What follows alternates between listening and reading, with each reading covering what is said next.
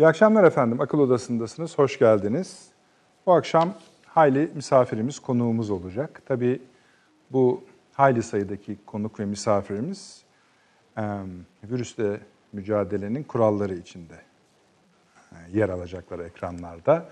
Örneğin sevgili Avni Özgürel bizimle birlikte olmayacak çünkü yasaklara takılıyor. Ee, Sayın Fahri Erener Paşam bizimle olmayacak. Onun da kendi baştan söyleyelim bir ufak operasyon geçirdi.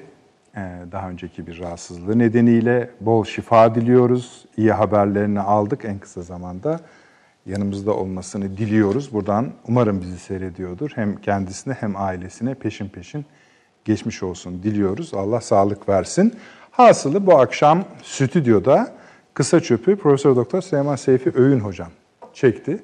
Hocam hoş geldiniz. Hoş Ama mesafemiz son derece uygun evet, hale geldi. Iyi, gayet iyi. Ee, bu öyle. Ma mafi. Efendim bu akşam bir Sayın Avni Özgürel'le Skype bağlantımız olacak. Misafir edeceğiz. Doktor Altay Atlı Koç Üniversitesi öğretim üyesi bizimle birlikte olacak. Erkan Özbey, ekonomist gazeteci. Ee, çok ilginç açılımları var. Onu misafir edeceğiz. Uzun uzun konuşacağız. Dünya konuşacağız. Virüs üzerinden dünya konuşacağız. Yeni dünya konuşacağız. Ekonomisini, askeriyesini, ordusunu bugüne kadar televizyon ekranlarında görmediğiniz boyutlarıyla açmaya, paylaşmaya gayret edeceğiz. Hatta sevgili Abdullah Ağar da bizimle olacak. Biliyorsunuz evlatları askerde olan aileler, anneler biraz bu virüs nedeniyle kaygılılar orada neler yapıldığını hem Türkiye'de hem sınır dışında bununla ilişkin neler yapıldığını anlatacak. Silahlı kuvvetlerin bu konudaki diğer çalışmalarından ve konuya ilişkin kendi görüşlerinden bahsedecek. Yani hayli konumuz, misafirimiz olacak bu akşam. Biraz da tempolu gitmek zorunda kalacağız. Ama yeterli zamanı ayıracağız. Şimdi efendim dünyadaki durum biraz şöyledir. Ee, hani rakamları tekrarlamayak, tekrarlamak istemiyorum. En az üç ayrı kurumdan gelen dünyadan ve Türkiye'den rakamlar var. Aşağı yukarı örtüşüyorlar. Çok yüksek rakamlara ulaşmış durumda. Ee, enfekte olan hasta diyelim, öyle söyleyelim. Ee, ama iyiler de var. Tekrardan başlayacak öyküler var. Örneğin Hindistan bütün ülkeyi kapattı, öyle söyleyelim. Yani bu kadar, bu çapta bir ülkenin karantinaya kapılarını kapatılması nasıl olacak bilmiyoruz. Buna ayrıca değineceğiz. Çin'de tam tersine e, virüsün başladığı Wuhan şehrindeki karantinayı kaldırmak üzere olduklarını açıkladı. Amerika'da ise şöyle diyebiliriz herhalde ilk önce e, salgının merkezinin Çin'den Avrupa'ya kaydığını söylenmiş idi. Şimdi anlıyoruz ki Avrupa'da bir yandan devam ederken yeni bir merkez oluşuyor. O da Amerika Birleşik Devletleri. Yani iş oraya gidecek. Hatta şöyle söyleyebiliriz. Bir süre sonra salgının merkezi batı olacak gibi gözüküyor. İtalya'da bir günde gelen hasta sayısı değil efendim. Hayatını kaybeden insan sayısı 743. İnanılmaz rakamlar bunlar. Korkutucu rakamlar ama aynı zamanda neyin yapılıp neyin yapılmaması gerektiğini söyleyen rakamlar. Başka gelişmeler de var. Çin'in bütün dünyaya yardımda bulunması, özellikle bunu artık tabii algının yönetimi, propagandanın bir parçası olarak bunu yükselterek de yani mübalağalı şekilde de yapıyor. Diyecek bir şey yok. Çünkü Avrupa dahil birçok ülkede insanlar buna müteşekkirler. Amerika Birleşik Devletleri hariç şu sebepten. Oysa Amerika'ya da yardım ediyor ama hatırlayacaksınız Ocak ayı sonunda Amerika Birleşik Devletleri başkanının ağzından Çin'e teşekkür ediliyordu. Ne diyordu? Biz Çin'e çok teşekkür ediyoruz. Çok güçlü bir şekilde salgınla mücadele ediyor. Üstelik bunu şeffaf olarak yapıyor. Başkana da teşekkür ediyorum. Başkan şeyi ediyordu Trump. Ama bugün bir hafta öncesinde gelinen nokta gösteriyor ki Çin virüsüne evrilmiş durumda. Yani Amerika'nın Çin'in dünya üzerinde bu konuda ön almasının, yardım yapmasının ki biliyorsunuz Türkiye'de ilaç gönderdi ve özel kanallardan Türkiye'nin bağlantılarıyla sağlandı bu ilaçlar. Ee, bu yardımlar Avrupa'da da etkili oluyor. Şu halk yani birbirlerine yardım etmiyorlar efendim. Avrupa Birliği ülkeleri birbirlerine yardım etmiyorlar. Hatta şöyle olaylar yaşanıyor. Çin'in gönderdiği yardımlar başka ülkeden geçiyorsa o sırada ona el koyma durumları bile yaşanıyor. Mesela e, Çekya ile İtalya arasında böyle bir vaka yaşandı. Maskelere el koydular vesaire. Birbirlerine yardım etmezlerken Çin'in Çin'den gelen yardımdan etkileniyorlar ve ABD'ye Çin'in üzerindeki yaptırımları kaldırılması konusunda baskılar yapıyorlar. İngiltere biraz daha işi ciddiye almış durumda. Orada da önemli konular var. Ee, biraz daha işi sertleştiriyorlar. Almanya keza öyle. Rusya hala muamma. O da Çin gibi yardım göndermeye çalışıyor diğer yerlere. Bu hoşuna gitti anlaşıldığı kadarıyla Moskova'nın.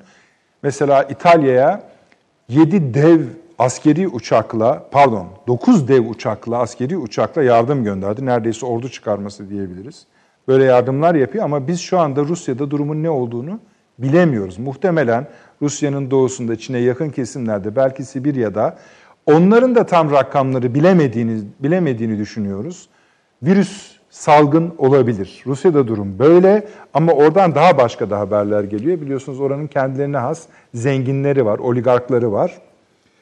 Onlar kendilerine özel villa hastaneler kuruyorlar. Solunum cihazlarını piyasadan topluyorlar. 20-25 bin dolara kadar çıkıyor rakamlar. Hem kendileri için hem de herhalde daha sonra ticari olarak kullanmak için bütün Avrupa ülkelerinde bu konuda kısıtlamalar var, sınırlamalar var. Bazı ülkelerde hayatlarından daha az ümitli olanlara artık bu solunum cihazlarının bağlanmayıp daha ümitli olanlara bağlanması gibi bize pek uymayan, uyması da mümkün olmayan e, nasıl söyleyeyim iddialar ortada dolaşıyor. Bütün bunlardan sonra da tabii küresel ekonomi, küresel ekonomideki dalgalanma, bozulma, deformasyon bu yeni bir dünya lafının ortaya atılmasında getirdi. Bunun nasıl olacağına ilişkin herkesin görüşleri var. Şu an yeni yeni, biz çok işledik bu konuları, çok yazdık, çizdik bu stüdyoda da köşelerimizde ama bu şimdi yeni yeni e, fark edilmeye başladı Türkiye'de. E, bir yandan virüsle salgınla mücadele ediyoruz, bunu sıkı tutmaya gayret ediyoruz. E, işte uyanlar var, uymayanlar var, ayrı bir konudur. Bir yandan da buna hazırlıklar gerekiyor, onu da netlemeye çalışıyoruz. Evet bu konuda söylenecek çok şey var. Tek tek işlemeye gayret edeceğiz Süleyman Hocam. Siz de şöyle bir giriş hasbihali yapalım mı? Yapalım. Buyurunuz. Ne düşünüyorsunuz şu an gelinen durum noktasında? Yani hastalıkla ilgili olarak, salgınla e, ilgili e, tabii olarak... bir de dünya, dünyadan da başlayabilirsiniz, Türkiye'den de başlayabilirsiniz. Ee, Şimdi ben bir e, yaklaşım tarzının ne kadar sorunlu olduğunu tespitle başlayayım böyle fetiş odaklaşmalar yaşıyoruz. Ne Gündem oluşturmakta. Yani şimdi ben iki hafta geriye alsak filmi Edirne taraflarında olacaktık. İşte sığınmacılar Avrupa tabii, kapılarını tabii. zorluyor. Bugün kimin Edirne'de neler olup bittiğine dair bir fikri var Türkiye'de? Hiç kimsenin yok. Ne oldu o adamlar? Nereye işte gittiler? Öyle bir yeri açıyorsunuz ki hocam. Bakın buradan virüslere, salgına, küresel şeyi geçemeyiz. Yani şunun için hayır, söylüyorum. Hayır, olur devam uzun, edin de. Tabii ya. Şunu söylüyorum. Ama şimdi bunu tespit Hı. etmeden de zaten bir şeyi konuşamayacağız. Hı, buyurun. Yani bu bakışın ne kadar sorunlu olduğunu görmezsek eğer, bu bakışla bakmaya devam etmenin getireceği sorunları da görmeyeceğiz. Yani şimdi bu şekilde olmaz. Bu çok dengesiz bir bakış. Şimdi yaşı müsait olanlar hatırlayacaktır. Eskiden tek kanallı dönemde hani bunun savunuculuğunu yaptığımdan değil ama haberlerin bir sıralaması vardı. Öncelikli haberler ve daha sonra daha az öncelikli haberlere doğru giderdi. Evet. Şimdi öyle bir şey yok. Bir tek haber, bir tek vaka ve ona dehşetengiz bir şekilde kilitlenmiş bir insanlık. Hadi diyelim şimdi bu salgın küresel bir mesele. Bizim ülkemize de çok etkisi oluyor. Hadi diyelim bunu böyle tekleştirdik. E bundan önceki vakalar o kadar değildi. İşte tabii onu diyorum Hı. yani. Yani ne bir mukayese yapabiliyorsunuz, Hı. ne bir şeyi bir şeyle ilişkilendirebiliyorsunuz. İlişkisiz düşünme bir ihtiyat haline geldi. Şimdi ekonomistler kendi arazilerinde konuşuyorlar. Spor camiası kendi arazisinde konuşuyor. Siyaset başka türlü konuşuluyor falan. Ya bu iyi de ya bir tane dünya değil mi bu yani sonuçta? Hepsi de bu dünyada olup bitmiyor mu? Bu kadar mı alakasız yaşıyor? Yani, yani ilintisiz olduğunu nasıl düşünebiliyoruz? O e da garip işte onu şey. diyorum yani. Şimdi mesela virüs, salgın ve bunun doğurduğu işte önlemlerin ekonomik sonuçları var. Bu çok aşikar. Yani işletmeler kapanıyor. Özellikle hizmetler sektörü içerisinde belli dallar ağır zarar görüyor. Mesela turizmden dünyanın kaybedeceği e, işçi sayısını geçenlerde bir yerde okudum. 50 milyon insan işini kaybedecek. Eğer bu devam ederse, e ne kadar devam? İki ay daha devam ederse veya üç ay daha yeter zaten yani. Turizm, turizm biter. 50 milyon insan işsiz. Oteller, restoranlar, şunlar, bunlar vesaire. Şimdi o zaman şöyle oluyor insanlarda. Şimdi merkezde olan salgın ya. Bunun sonucu ekonomi bu hale geliyor gibi bir bakış oluyor. Ha, bu cümleler de bu şekilde kurulmaya başladı. başladı. İsim vermeyelim ne olur başlayın. Hani, şimdi, hani hepimizin dertte olduğu bir yere açtınız da. Evet. Şimdi mesela bugün köşe yazılarında görüyoruz. Efendim diyor Türkiye dünyada diyor çeşitli diyor ekonomik bozulmalar var. E, siyasi deformasyonlar var vesaire bir şey var. Bunlar virüs yüzünden olmuyor efendim. Müthiş. Böyle bir akıl kuran mı var dünyada acaba? Hani bunu söylemekteki şey nedir? Murat nedir? Ne? Anlamıyorlar yani. Bil, bilmedikleri başka bir şey anlamıyorlar yani. Şimdi bir kere dünyanın daha doğrusu medeniyet tarihinin öyle diyelim. Herhangi birini işte Çin'dir, İslam'dır, Hristiyan'dır kastetmiyorum. Genel olarak medeniyetlerin ortak paydası var. Ve tarihsel olarak bakıldığında bu medeniyetlerin birikimini doğuran şeylerin içinde bir takım güçlü yapılar oluşuyor. Medeniyetin yapıları bunlar. Mesela diyelim ki ekonomi böyle bir yapıdır. İşte hukuk böyle bir yapıdır. İşte devletler böyle yapılardır falan. Ulus böyle bir yapıdır. Şimdi bütün bunları holistik dediğimiz bizim ne diyelim ona tekçi diyemeyiz. Çok yanlış olur. Bütünlükçü bir bakışla görmeye devam edecek miyiz, etmeyecek miyiz? Yoksa zihinlerimizi bozuk para gibi harcayacak mıyız? Biraz bence hasislenelim bu konuda. Bozdurmayalım zihinlerimizi derim ben. Yani tabii bu tavsiyeniz güçlü ama bir karşılık bulacağından ee, emin değilim. Valla ne bileyim Melih Cevdet'in de güzel bir şiiri vardır. Ee, susmayacaksın, ee, ıssızda çalan bir e, sis çanı gibi çalacaksın. Eyvallah. Şimdi ben bu da bir bence... Ama şöyle, şunu da konuşalım o zaman. Şimdi bakın mesela bu kriz e, mesela dijitalleş, daha çok dijitalleştiriyor. Bu dijitalleşme mi? Yoksa Şimdi bakın mecbur... onun spekülasyonlarını konuşmuyorum tamam. ben. Yani başka şeyden o, oraya, oraya da tamam. geleceğim. Tabii tabii. Cepte sayalım. Ha, cepte sayalım. Ama bakın hani biz programa girmeden önce ben şeyi hatır, hatırlamıştım. Size de e, paylaştım. Mesela Vamuk Volkan'ın bu kan bağı kitabında hijyenle ilgili, tiksinmeyle ilgili, dokunmayla ilgili bir bölüm vardı. Siz de onun karşısında karşılığında Douglas'ın Temiz ve Kirli Mary eserini tabii, tabii yani. eserini hatırlattınız. Şimdi odur. diyecek ki izleyicilerimiz ne yani ne, evet bununla ilgili bir şey söylüyorsunuz ama nedir? İşte bunlar üzerinden beşeri ilişkileri ve sonra dünya ilişkilerini tarif eder hale getirirler. Tamam. Ne kadar da getirirler? Bir ayda bile getirirler. Getirirler. Getirirler. getirirler. Bunun hazırlıkları da vardı bence. Bu çok daha O zaman işte sizin giden... başta o gönderme yaptığınız yüzeysel ve tekçil tartışmaların zararı o zaman. Orama tabii. Çünkü bunları yani nasıl karşılayacağımızı bilmiyoruz. Yani kimi sem böyle bir dünyaya bizi e, rızaen yani çünkü bu hegemonik bir şey. Bizim rızamız üzerine kurulacak. Sopa zoruyla kurulmayacak. Gerekirse onu da kullanırlar. Dolayısıyla bizim rızamızı aldırarak, insanlığın rızasını aldırarak hani ölümü gösterip belki sıtmaya razı ederek e, merkebi çaldırıp semeri unutturarak falan yapacaklar ve böyle yapıyorlar. Bu öyle gidişat da bu. Şimdi öyle de benim esas üzerinde durmak istediğim şey şu. Bu salgın bir e, merkezi gelişme midir yoksa e, bu salgını önceleyen başka merkezi gelişmelerin içinde mi salgını konuşacağız? Bir kere bir bu açalım onu. Açalım. Hı hı. Benim tercihim e, ikincisidir. Bir kere dünya modern olarak tanımladığımız dünya, modern medeniyet bütün yapılarıyla krizde. Yani ekonomisiyle krizde, hukukuyla krizde, e, ideolojileriyle krizde, uluslar krizde. Yani krizde olmayan hiçbir şey yok.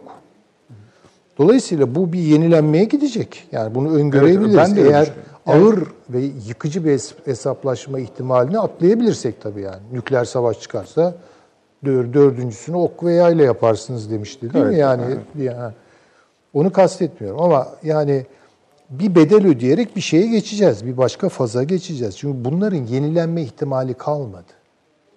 Ya, anlatabiliyor muyum? Bu yapıların yenilenme ihtimali kalmadı. Hangisi kendini yenileyecek? Yeni oluşum içerisinde o yeni oluşumun ne olacağına bakarak bunu İlk önce şu tespiti bir daha yapalım da bu çünkü belli ki daha oralara geçemediler. Yani biraz eteklememiz gerekiyor Süleyman Hocam bağışlayın. Estağfurullah. Salgın, politik ve ekonomik bir pikselizasyonun, dalgalanmanın, kırılma hattının üzerine Hı. fitilleyici olarak geldi. E, tabii katalizör diyelim. Ka- tamam, hızlan, tamam, o da hızlandırır. Diyelim. Doğru. O da ee, hızlandırır. Etkisini arttırıcı Aynen diyelim. öyle. Şimdi tabii bunların ki. sonuçları olacaktır. Olmaması mümkün değil. Olacak tabii. yani. yani. Şu kadar bu kadar diye değil yani bu iş. Bu tespitten sonra diğerlerini yapalım. Çünkü oraya kadar gelinmedi. Yani birinci e, maddeye tabii, daha tabii, gelinemedi. Bunu konuşmuyoruz zaten. Yani çünkü mesela şimdi bir haftadır gündemleri ele alan şeylere bakalım. Ee, yayınlara, e, işte broadcasting ne diyorsanız e, yazılan, çizilen. Eyvallah. yani mesela ya Amerika'yı çok ciddi manada yüzde 20-30 oranında bir işsizlik bekliyor. Biliyor musunuz? Felaket olur. Ve Amerika silahlanıyor mesela. Tabii. Orduları konuşuyor. Bak onu açılışta, açılışta ondan da bahsetmemiz sokağa lazım. indi falan. Doğru. Yani şimdi Amerika'da acayip bir şeyler tamam. oluyor. FED kontrolü kaybetti. yani evet, denetleyemiyor. Şeyi bir söyleyelim ee, Süleyman Hocam bağışlayın. Şimdi bu akşam onu da konuşacağız. Belki Abdullah da bahseder bilmiyorum. Şimdi bu Amerika'da ordunun, ordu da değil yani muhafızlar diyelim onun. Sahaya inmesi özel bir durum. Bunun özel haberi Newsweek yaptı. Bu az buz haber değil. Bir komutanın eline geçmesi durumundan bahsediyorlar. O komutan bile belli. Üç gün sonradan takip etmekle olmuyor bu işler. Diyor ki adam, Amerikan ayısı söyleyeyim Süleyman Hocam. Ordu, yani düzenli ordu şeye giremiyor başkente. Girmesi evet. için bazı evet. şartlar var. O şartlar yok. Başkanın izni gibi. Ama bu hal yani salgın meselesi ayrı bir durum oluşturuyor. O da eyaletlere mevzilenmek gibi. Gibi. Şimdi siz Tabii. o silahlı kuvvetleri, muhafızları, eyaletleri mevzilendirirseniz o parçalanmaya kadar gider. Gel gelelim gitmesin. E seçimler var. Bunun etkisi nasıl tabii, olacak? Tabii, tabii. Bu birinci bölüm. Tabii. Almanya'yı hatırlatayım. Oradaki Amerikan birliklerinde ve Avrupa'daki bazı bir askeri birliklerde hareketlilikler, hareketlilikler var. var. Anomali seviyesinde Anomali, var. evet onu evet. diyorum. Yani şimdi mesela bunu bunu tartışmadan e, salgını konuşmanın bence çok bir anlamı yok. Bunun için Merkel'in yerine yani, geçecek e, şey e, e, Halefi değil, hastalandı. Hasta. Sonra da e, şansölyeyi karantinaya alıyorsunuz. Tabii tabii yani. E, orada da hareket ediyor. Nasıl oluyor? Yani bir işte tuhaflıklar bunlar, var. Yani şimdi demek istedim bunları birleşik düşünmemiz lazım. Bir kere şu bu modern medeniyet ekonomisiyle, siyasetiyle, kurumlarıyla ve kuruluşlarıyla çok ağır ve kendini yenileyemeyeceği derecede bir kriz yaşıyor. Şimdi bu krizin içinde salgını konuşursak, o krizle birlikte konuşursak evet. bunun bir Entegre anlamı var. Bir şey tabii ki. Hı hı. Ama ekonominin bu gidişatını krize, şey pardon salgına yorarak başlarsak çok ya, yanlış zaten ve çok o, eksik o, o, bir, bir şey olacak. Hani yani. Doğru yerden tutmadığınız şey sizi yakar. Onları evet, hatta şey evet. dedi şimdi yani, diğer konuklarımıza da konuşacağız evet. ama bir Avni Bey'e merhaba diyelim mi arkadaşlar? Hazır mı Avni Bey? Evet hazır. Avni abi. İyi geceler, iyi yayınlar. Size de efendim. Biraz uzak kaldık. Evet öyle. Evet. Öyle oldu. Bu salgın e, sadece e, belli bir yaş grubunu değil esasında. Birçok insanı evde e, oturmaya ve e, işlerini evden yürütmeye mecbur bıraktı. E, buna da katlanacağız yani. Elbette. Zorunluluk böyle. Evet. Ne dersiniz şu an e, hem ülkemizdeki hem de dünyadaki salgın meselesi hakkında?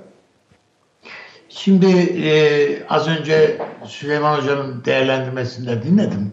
E, sizin de açılışta yaptığınız tespitlere aynen katılıyorum ben.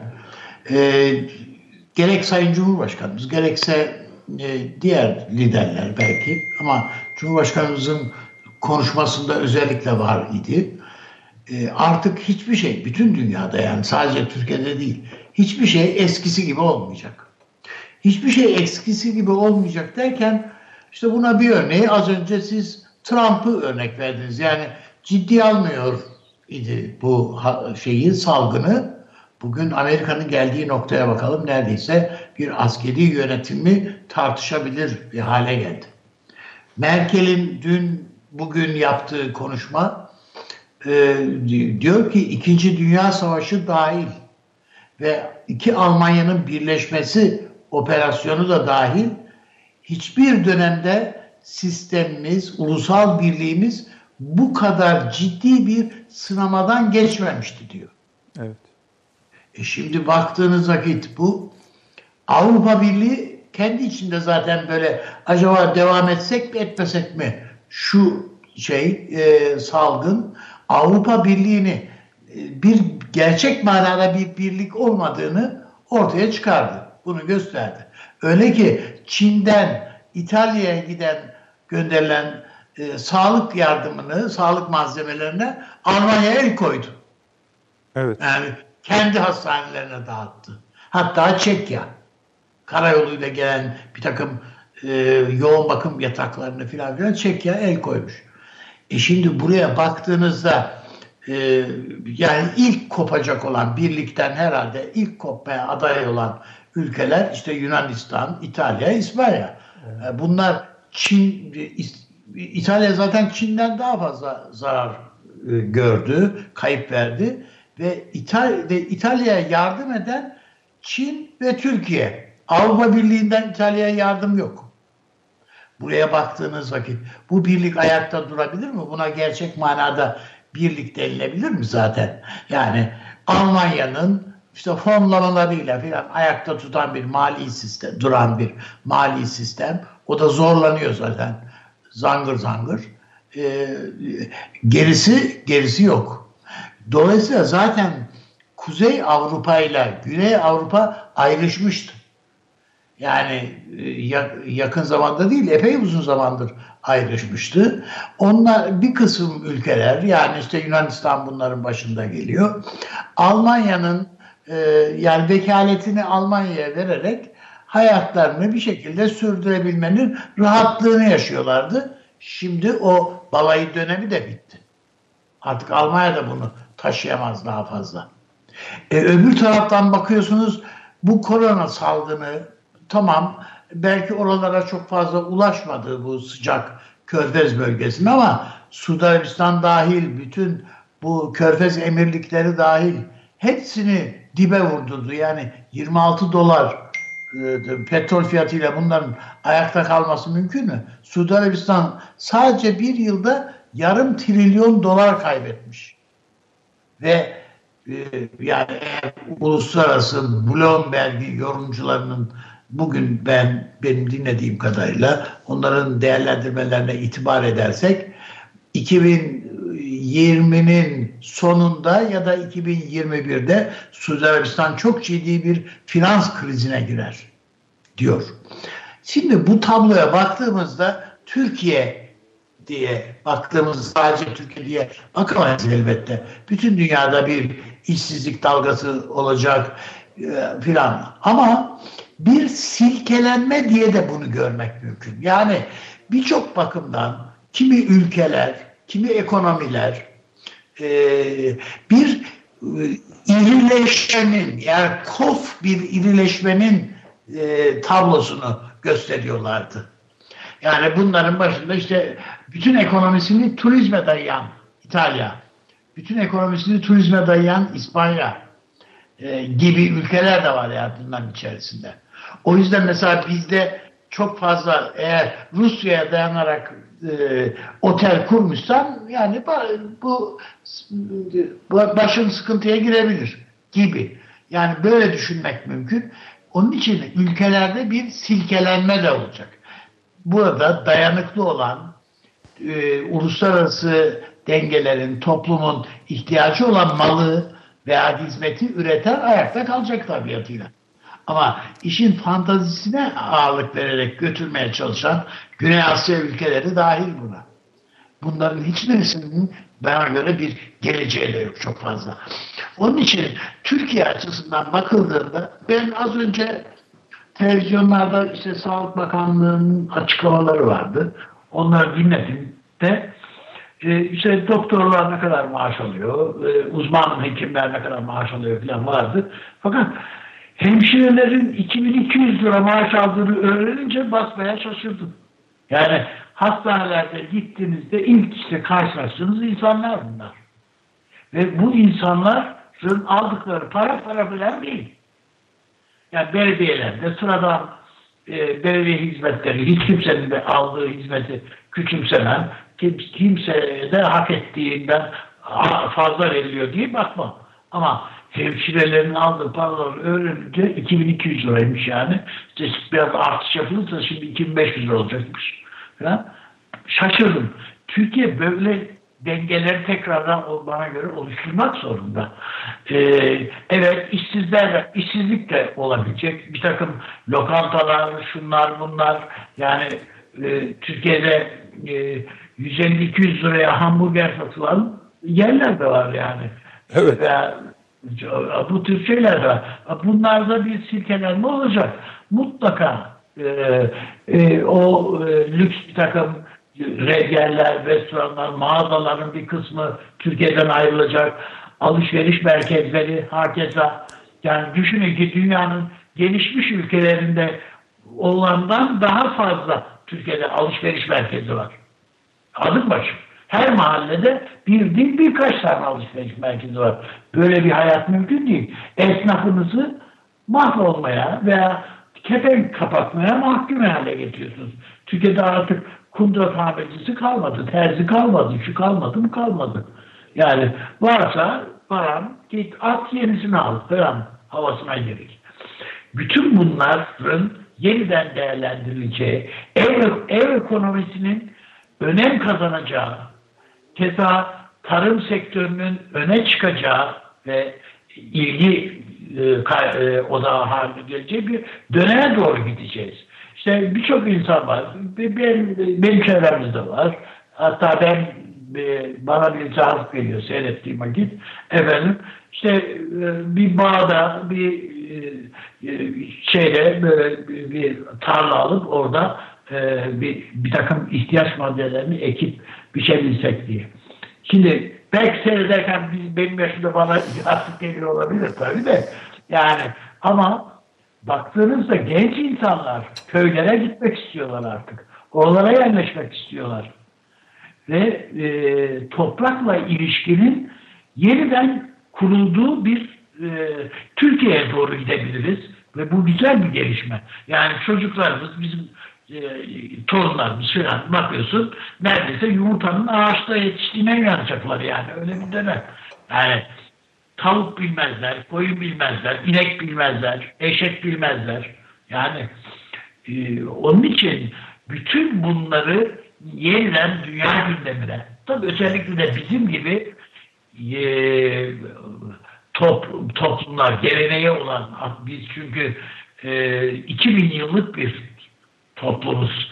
Yani Türkiye Cumhuriyeti o 2000 yıllık tarihin bir e, yansıması olarak ortada. Dolayısıyla ben e, şeye katılmıyorum. Yani eskilerin bir tabiri vardır. Şehamet tellalı derler. Yani e, her şeyi kötülük yayan, kötü gören ve öyle yayan insan manasında. Avni abi. Şey, tellalı. Ve bu tür insanlar da var tabii. Süleyman Hocam bir şey ekleyecek herhalde. İtiraz, çok şiddetli itiraz edeceğini tahmin ediyorum. Ee, selam ediyorum önce kıymetli büyüğümüze. Ee, şimdi tabii ben doğrusu e, gıpta ediyorum. E, Avni Özgürel Üstadım gibi bakabilmek. Belki e, olgunluğun getirdiği bir şeydir bu. E, iyimser olabilmek bu dünyada. Ben doğrusu hani kötümserlikten ben de hoşlanmıyorum. Yani kötüye yorma. Hı hı. Fakat karamsarlığımdan çıkmakta çok zorlanıyorum.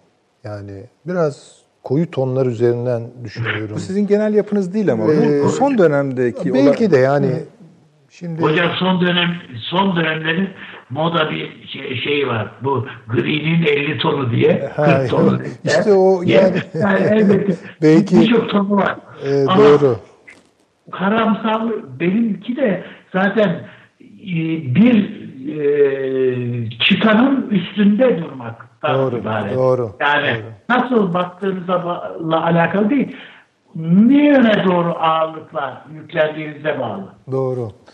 Yani e, bu gidişattan ne çıkacak diye hani biraz ileriye doğru projeksiyon yaptığım zaman bir kere yakın vade ve uzun vade arasında bir ayrım yapıyorum.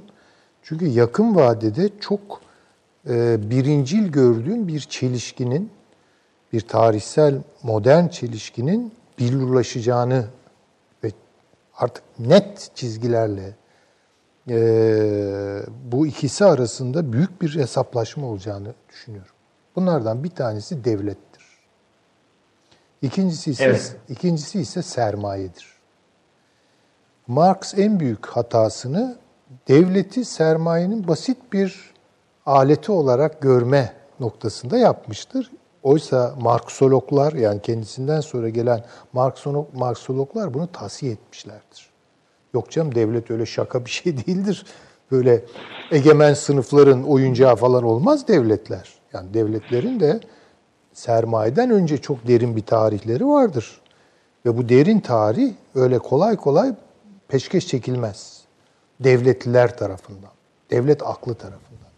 Hakikaten doğru olan bu. Şimdi benim çok önemsediğim bir Japon düşünür var. Karatani, Köjin Karatani. Evet, Onun, evet. evet, onun e, modern dünya tarihine yaptığı o müthiş katkı, yani nasıl bakmalıyız tarihe, modern tarihe. Orada üç ayağı olduğunu söylüyor modern tarihin. Bir tanesi devlet, öbürü ulus, öbürü sermaye. Bunlar bir, kendi içlerinde problemlidir. Devletin elitleri problemlidir.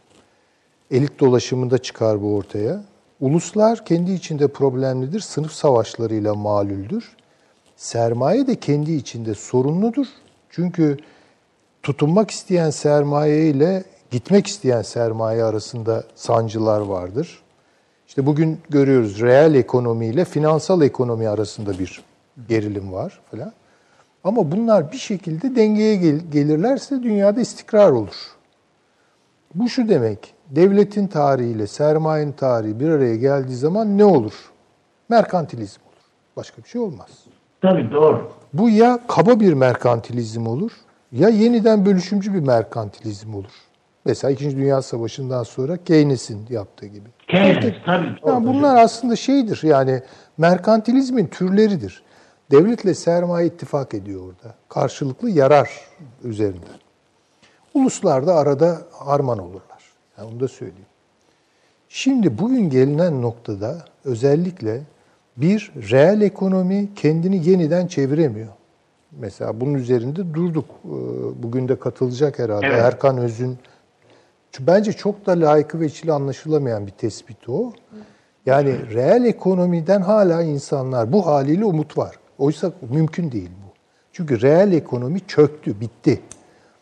Re- Nereden anlıyoruz reel ekonominin çöktüğünü? Hizmetler sektörünün şişmesinden anlıyoruz. İşte demin üstadın söylediği e, İspanya, İtalya hep hizmetler sektörü. Bu ne demek? ya hocam, Yani hocam ka- bakın Kaynaklarını evet kaynaklarını çeviremiyor yeniden ekonomi. Olmadık yerlere gidiyor kaynaklar. Bunun da sebepleri var tabii anlatılabilir.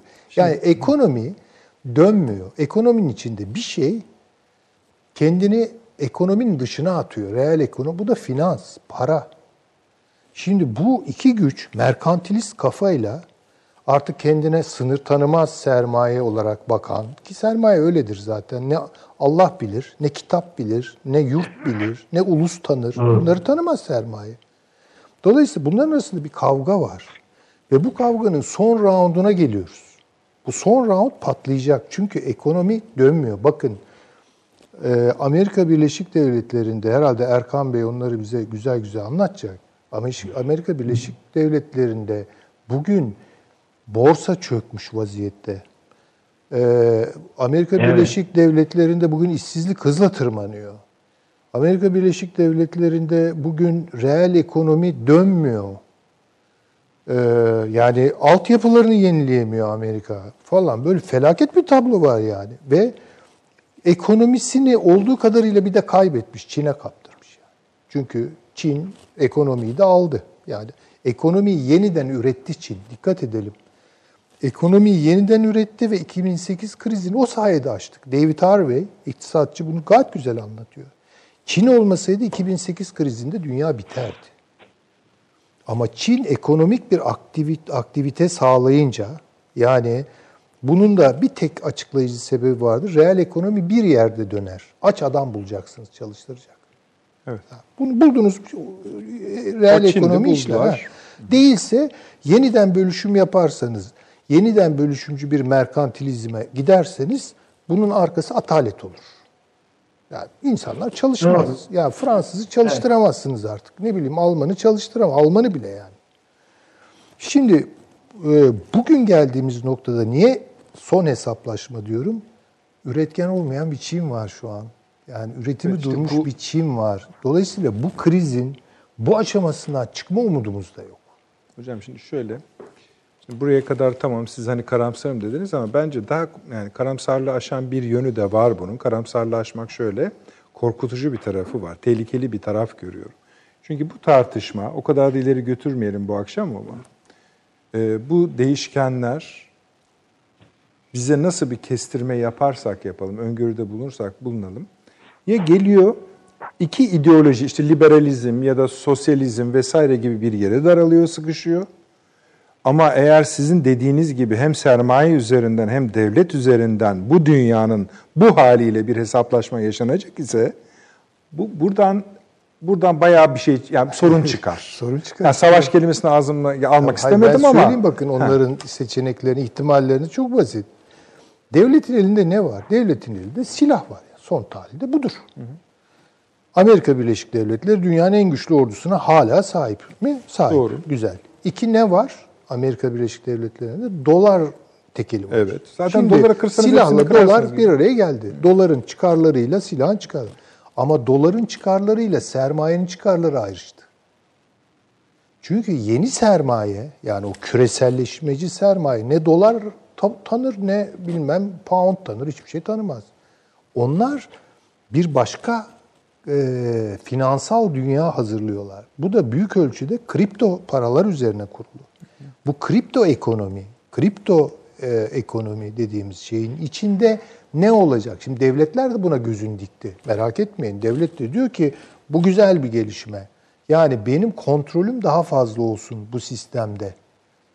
Bundan pay alayım diyor. Sermaye de diyor ki ben sana bu payı ancak koşullu veririm. Bunun da şartlarını yeni bir Yalta'da görüşürüz. İşte tabii öyle. Yani Şimdi, anlatabiliyor muyum? E, esasında hocamın bıraktığı şey çok doğru.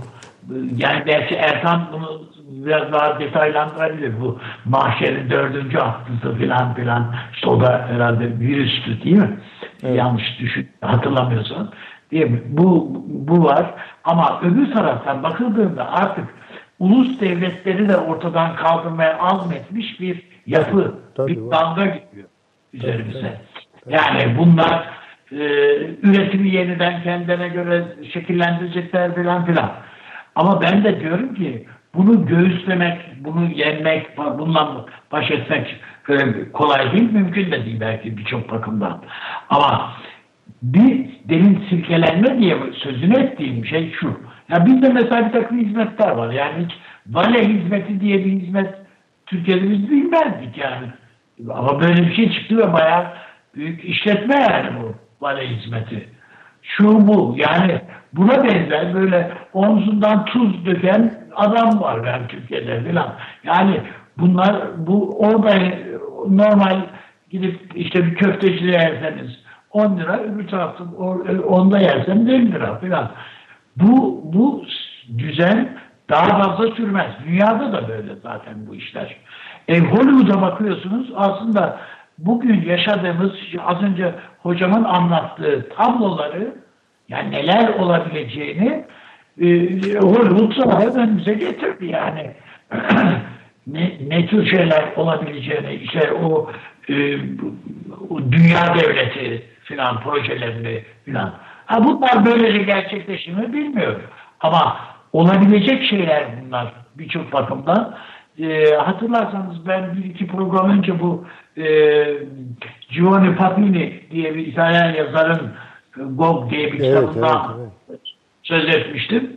O diyordu ki yani insanları yani fabrikalar böyle insanla çalışması ne kadar kötü bir şey. Yani bunların sigortası var, vergisi var, mesai süresi var bilmem ne. Lüzum var makineleri koyun. Her baş sabahtan gelsin birisi düğmeye bassın öbür taraftan işte fo, yani he, bu e, Ford'la yaptığı e, konuşmayı anlatıyordu. Sohbeti anlatıyordu. Esasında hayali bir sohbet tabii ama diyor ki bir taraftan da arabalar çıksın işte onları da sen sat diyor filan. Da diyor ki evet bu çok güzel bir düşünce. Keşke böyle bir şeye doğru evrilsek. Şimdi düşünün yani bu bir yazarın fantazisiyken 1950'lerdeki fantazisiyken bugün e, buna benzer gelişmeler olabilir mi acaba diye bakıyoruz. Tamamen işçisiz çalışan fabrikalar var. Kuzey Avrupa'da var yani bunlar. E, o iletkenler üreten fabrikalarda bunlar var. Şimdi bakıldığı vakit o bakımdan ben bunlarla göğüsle, göğüs göğüse gelmek, bunlarla baş etmek ve bunları alt etmekten söz etmiyorum. Tabii, tabii. Ben insan olarak kendimizi koruyabilmek.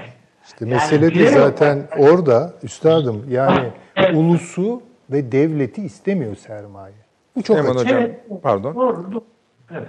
Avni abi, bir internet bağlantınızın bağlantımızın kalitesi düşüyor zaman geçtikçe. Onu bir tazeleyelim istersen. Senden bir müsaade rica Tamam. edelim. Bu Evet, arada tamam, yalnız şöyle yapalım. Ee, e, hemşirelerimiz hakkındaki rakamlar çok biraz itiraz geldi. Daha fazla olduğu söyleniyor. Tabii ne kadar ödesek azdır ayrı konu da biraz daha fazla olduğu söyleniyor. ben, televiz- ben televizyonda dinlediğim Sağlık Bakanlığı çevresinden gelen e, bir kişinin verdiği rakamlardan söz ettim. Yani, Peki, e, tamam. Bilmiyordum da hatta şaşkınlığım o. Tamam, tamam. Belki, belki, belki özel hastanelerin fiyatları değildir. Bu onu bilemem. Yani. Yok yok kamu hastane. Neyse yani sonuçta e, ne kadar sağlık çalışanlarımıza ne kadar bütün çalışanlarımıza ne kadar Evet, ödesek evet. sahip çıksak azdır ama onu da not düşmüş olalım. Ee, senden azıcık müsaade isteyelim. Başka Tamam, konuklarımızla alalım. Sonra tekrar bir araya gelelim. Süleyman Hocam kestim sizi. Siz devam Estağfurullah. edin. Yani çok doğru tespitler. Yani biraz onu geliştirerek kendi açımdan söyleyebilirim. Yani sermayenin devlet ve ulus istemediğini biliyoruz. Onun için sermaye teknolojiyi kullanıyor ve insansızlaştırılmış bir dünya tasavvur ediyor. Önümüze bunu koyuyor. Bunu teknolojiyle işte birbirimizden bizi ayrıştırarak temiz ve kirliyi konuştuk. Yani Evet. işte Douglas'ın, Mary Douglas'ın tezleri işte Vamuk Volkan da şey yapıyor üzerinde. Yani iletişimi olmayan insanın yerini almış başka varlıklar, işte androidler bilmem, yapay zekalar şunlar bunlar insanı öteliyor yani. İnsanı istemiyor. Ha bu insanı yok etmeyecek tabii. Belki nüfusu biraz azaltacak dünyada ama esas olarak yeni bir insan tasavvuru da çıkacak buradan. Bu nasıl bir insan olacak? Ben çok merak ediyorum. Ama bunu tarif ederken bile insansız ifadesi kullanıyoruz. Evet, yani- İnsan olsa da insansız anlamına da gelir Ya o. insanlar Tabii, gene olacak gayet ama tabii. insanlar artık kamusal bir varlık değil yani. Evinde oturan, efendim, online'la dünyaya bağlanan böyle sanal bir yani çok mu güzel bir dünya olacak mı pek emin değilim. Belki çok alışkanlıklarımın bunun pratiğini es- yaptırıyorlar işte diyor. Sal, öyle diyenler de var. var. E, normal yani eğer öyleyse de öyledir. Ya bu Amerika Amerikan devletinin üretmediğinin de karinesini oluşturuyor bu virüsü. Hani üretip Çin'e saldı filan diyenler vardı ya Çin'i Evet. yıkma öyle bir şey yok yani. Bu ben öyle düşünmüyorum en azından. Ya da e, çok ilgilenmiyorum meselenin o boyutuyla. E, devletler ise şunu düşünüyorlar. Ya Neden böyle bir ilgilenmeyesiniz? yani çok bence zihnimi yoran ve lüzumsuz e, yani iktisat dışı kullandıran, maksat dışı kullandıran biliyorsunuz iktisat maksattan gelir değil mi yani? Maksatsız düşünmeyelim, iktisatlı düşünelim. Yani böyle şeylerin içine arkasında şu tarikatlar var, şu bilmem e, örgütler var. Karanlık güç. Ya bir dakika ya şimdi yani bir dünyayı konuşuyoruz yani. Tutun ki var yani. Tamam da ne olduğunu önce bir anlayalım. Hiç kimse ne olduğunu doğru düzgün anlamadan her şeyi arkasındaki karanlık güçlere doğru evet. yorarak meseleleri alırsa karanlığa gömülür. Ya Belki de bu kadar büyüklük fazla geliyordur. İşte obskürantizm bu. Zihinlerdeki karanlık bu. Karanlık sevenler vardır yani. Evet. Yarasa tabiatlı adamlar sevebilir karanlığı ama ben se- sevmiyorum. Yani şöyle diyorsunuz. Işıklar kesikse bile karanlığı görebilirsiniz. E tabii ki canım. Hı hı. Tabii ki yani. Sonra biraz böyle tonlar üzerinden işte tonlara bakalım yani. Biraz alaca karanlıkta seyredelim dünyayı biraz. Güneş batarken yani böyle e, her şey ne öyle çok aydınlıklar içerisinde ne de o kadar karanlıklar içerisinde. Yani demek istediğim biraz daha metotlu düşünerek, daha doktriner düşünerek. Doktriner derken kastettiğim doksa, doksa yani bilgi bilgiyle düşünerek, sa- savurarak ve bir takım şeyleri abartarak falan değil. Ben öyle görmüyorum. Yani çünkü herkes bir dünyayı konuşuyor. Herkesin söylediği şeyleri diğerleri çok iyi anlıyor. Ama bunları hangi disiplinle konuştuğunun çok fazla hesabını kimse vermiyor. Ee, böyle işler karanlıklara yorulunca da müşteri artar. Yani bu sadece zaten tek disiplinle çözülebilecek bir şey değil. Hayır değil, değil, değil. Yani çok doğru. Yani şimdi çok toprağı bulursun. Immanuel Wallerstein 90'larda boşuna çırpınmadı. Sosyal bilimleri açın. Yani holistik bir bilim kuralım. Yani içinde iktisat olsun, hukuk olsun, evet. siyaset olsun ve bunları öğretelim üniversitelerde. E ne yaptık biz? Daha daha parçaladık bilgiyi, doksa dünyamızı. Uzmanlıklar ürettik, uyduruk uyduruk bir sürü uzmanlık. Bir sürü uyduruk uyduruk meslek ve bunlarla e, zenginleştiğimizi zannettik. Halbuki tersine fakirleştik ve kısırlaştık daha kötüsü. Yani kısır bakışlarımız var. Çığlıklarımız da kısır oluyor. Yani bunu da görelim.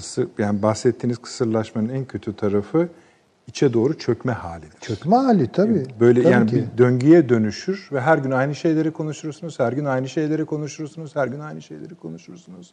Ne dünyayı fark edersiniz, ne ülkenizi, tabii. ne etrafınızdakileri tabii, fark tabii, edersiniz. Doğru. Daha çok farkında olduğunu düşündüğümüz bir konumuz var. Erkan Bey'e bir merhaba diyelim mi? Evet, Erkan tabii, Bey hazır tabii. mı arkadaşlar? Erkan Bey iyi akşamlar. İyi akşamlar Nedret Bey, merhabalar. Ee, biraz ağır gidiyoruz. Konu ağır öyle söyleyelim. Yani program evet. hızlı ama konu ağır.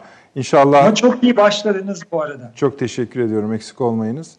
Ee, şimdi siz dünyanın ekonomik haliyle ilgili sadece ekonomiden bakarak değil, böyle biraz derleyip toplayarak, çok katmanlı olarak okuyup yazan birisiniz. Bu salgını konuşuyoruz ama salgının üzerine bindiği dalganın yüzde ellisi bana göre, yüzde ellisi ekonomik problemler, ekonomik sıkıntılar, kimine göre durgunluk. Siz nasıl tarif edeceksiniz bilmiyorum. Öbür tarafı da yine bana göre politik aksam. Avrupa Birliği'nin batının çöküşü, çözülüşü diyeyim, çöküş ağır olur. Çözülüşü vesaire, Orta Doğu'daki gelişmeler, Asya-Pasifik dengeleri vesaire vesaire. Buyurunuz efendim, siz genel bir değerlendirmenizi almak isteriz başlangıçta. Çok teşekkür ediyorum. Dediğim gibi programa çok iyi başladınız. Ee, hem Süleyman Hocama çok teşekkür ediyorum. Evet. Selamlar yolluyorum. Hem de Avni Hocama. Ee, bakış açınız harika gerçekten. Ee, bu virüs olayına bakarken e, sadece hastalığa odaklanmak çok yanlış. Ben 2013 yılında şöyle göstereyim bir kitap yazdım. Adı 2020 Büyük Kriz Müthiş Fırsat. Daha 2013 yılında bu finans sistemin tam 2020'de 2020 sırasında böyle büyük bir problem yaşayacağım belliydi. Virüs olayı sadece bunu hızlandıran etken oldu. Bunun arkasında ne var? Doğru. Az önce sizin ve hocalarımızın belirttiği şey var. Dünyada büyük bir dönüşüm yaşanıyor şu anda. Sermaye ve ulus devletin yanında Üçüncü bir aktör girdi sahneye 1960'ların başından itibaren. Bilgi ekonomisi, bilgi ekonomisinin kendi aktörleri. Ve giderek bu hızla hem sermayeyi bozuyor hem de devletin yapısını değiştirmek üzere e, bir etkinliğe girmiş durumda. Ve bu bizim para ve sanayi ekonomisi dediğimiz şeyi hem dönüştürüyor hem de bozuyor. Özellikle para ekonomisi yani finans tarafını bozuyor. Bu kitabımda ben 14'te bir kitap daha yazdım. Büyük Finansal Tufan. O ikisinde de ben bu süreci anlatıyorum. Yani para ekonomisi nasıl zayıfladı, bilgi ekonomisi onun yerine nasıl geldi ve bu finans sistemi başımıza ne gibi bir dert açabilir. Şimdi şeye baktığımız zaman çok ilginç bir tabloyla karşılaşıyoruz. Yani bizim e, son 100 yılda bugün yaşadığımızdan daha ağır bir salgın hastalık var. İspanyol gribi ismiyle meşhur. 1918, 19 ve 20 yılları boyunca 3 yıl sürmüş ve dünya çapında 50 milyon bir tahmine göre insanın ölümüne sebep olmuş. Yani aynı tarihler Birinci Dünya Savaşı var. Birinci Dünya Savaşı'ndan daha fazla insan bu salgında. Şimdi şöyle düşünebiliriz. Efendim o salgında kimse bu kadar bilinçli değildi. Hiç kimse evine kapanmamıştır. Karantina falan uygulanmamıştır. Üretim bozulmamıştır. Tam aksi bugünkü uygulanan bütün karantina önlemleri o zaman da uygulanmış. Amerika'sından Avrupa'sından bütün dünyasına kadar e, özel hastaneler kurulmuş, sağlık personeli yani seferber olmuş, bütün kiliseler, üretim e, tesisleri, fabrikalar, madenler kapanmış. O zaman çok önemli olan kömür üretimi mesela %50 düşüş kaydetmiş Amerika'da. Bütün bunları e, St. Louis Fed'in Amerikan Merkez Bankası'nın St. Louis şubesinin bu konuda bir araştırması var. 2007 yılında yayınlamışlar. Bir kez daha böyle bir şey olursa Amerika'da ne olur diye o zamanki salgını detaylarıyla ortaya koymuşlar. Şimdi biz hatırlıyor muyuz 1810, 1918, 19 veya 20'de herhangi bir büyük ekonomik kriz? Hayır. 1907'yi hatırlıyoruz. Bankacılık bunalımı Fed'in kurulmasına sebep olan, 1913'te Fed'in kurulmasına sebep olan, Amerikan Merkez Bankası'nın kurulmasına sebep olan. Bir de 1929'u hatırlıyoruz. Neden öyle bir büyük e, bir salgın, çok daha kötüsü bu zamankinden 3 yıl sürmüş ve o zamanki salgın bugünkü yaşlılarımıza tesir ediyor. O zamanki aksine gençlere tesir ediyormuş ve çalışacak insan bulunamıyormuş çoğu işletmede. Çalıştıracak insan bulamıyorlarmış. Buna rağmen bir finans kriziyle, bir tarihe geçen bir finans kriziyle karşılaşmamışız. 1900 çünkü o 1913'te Fed daha yeni kurulmuştu ve biz o dönemde, tarihin o döneminde henüz sınırlı bir varlığa dayanan, üretimi sınırlı olan yani altına dayanan para ve finans sisteminden bugünkü sınırsız dolara dayanan finans sistemine henüz geçmemiştik.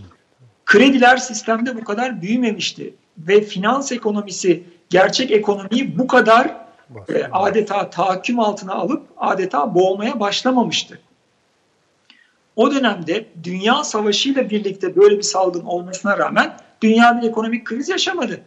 Şimdi görüyoruz. Tabii o zaman küçük bir gene resesyon oldu. Yani dünya ekonomisi bir duruldu falan ama hatırda kalan bir kriz yaşamıyoruz. Biz daha şu anda koronavirüs olayında bir ay geçirdik ve bütün Amerika başta olmak üzere tarihin en hızlı finansal çöküşlerini yaşamaya başladık. Bunun arkasında şu var.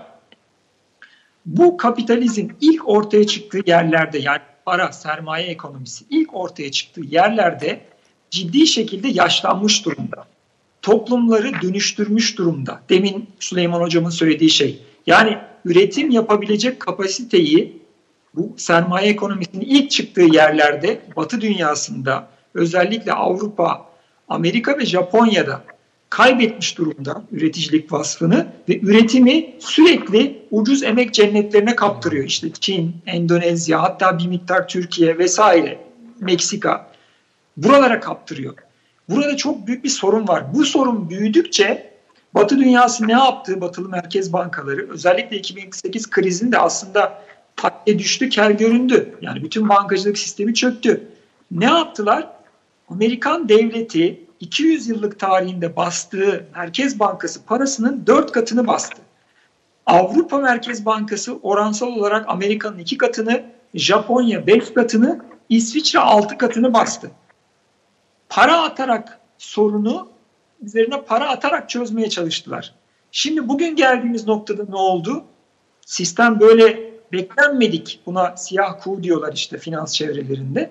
Beklenmedik bir şeyle karşılaşınca tümden kontrolü kaybettiler. Şimdi her gün korkunç rakamlarda para bastıklarını açıklıyorlar.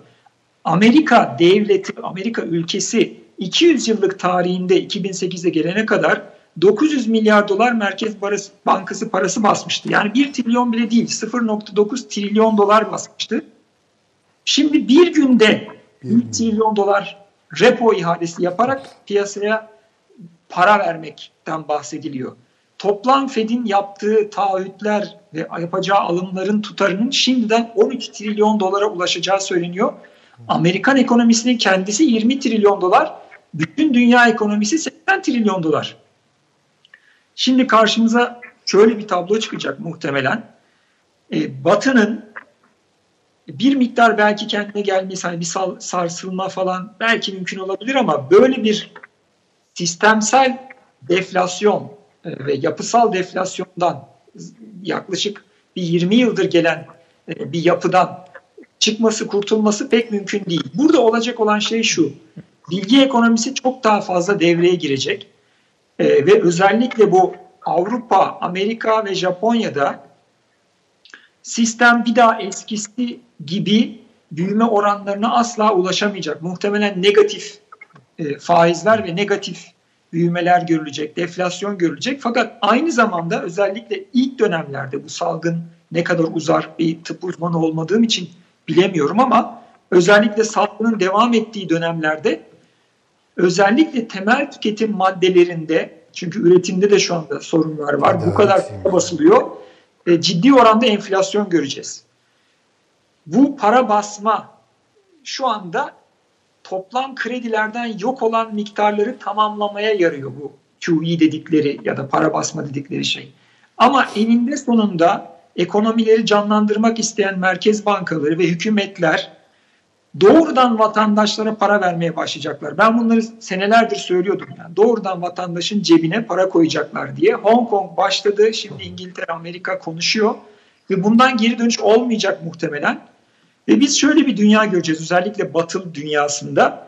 Üretim çok yavaş büyüyor ya da hiç büyümüyor.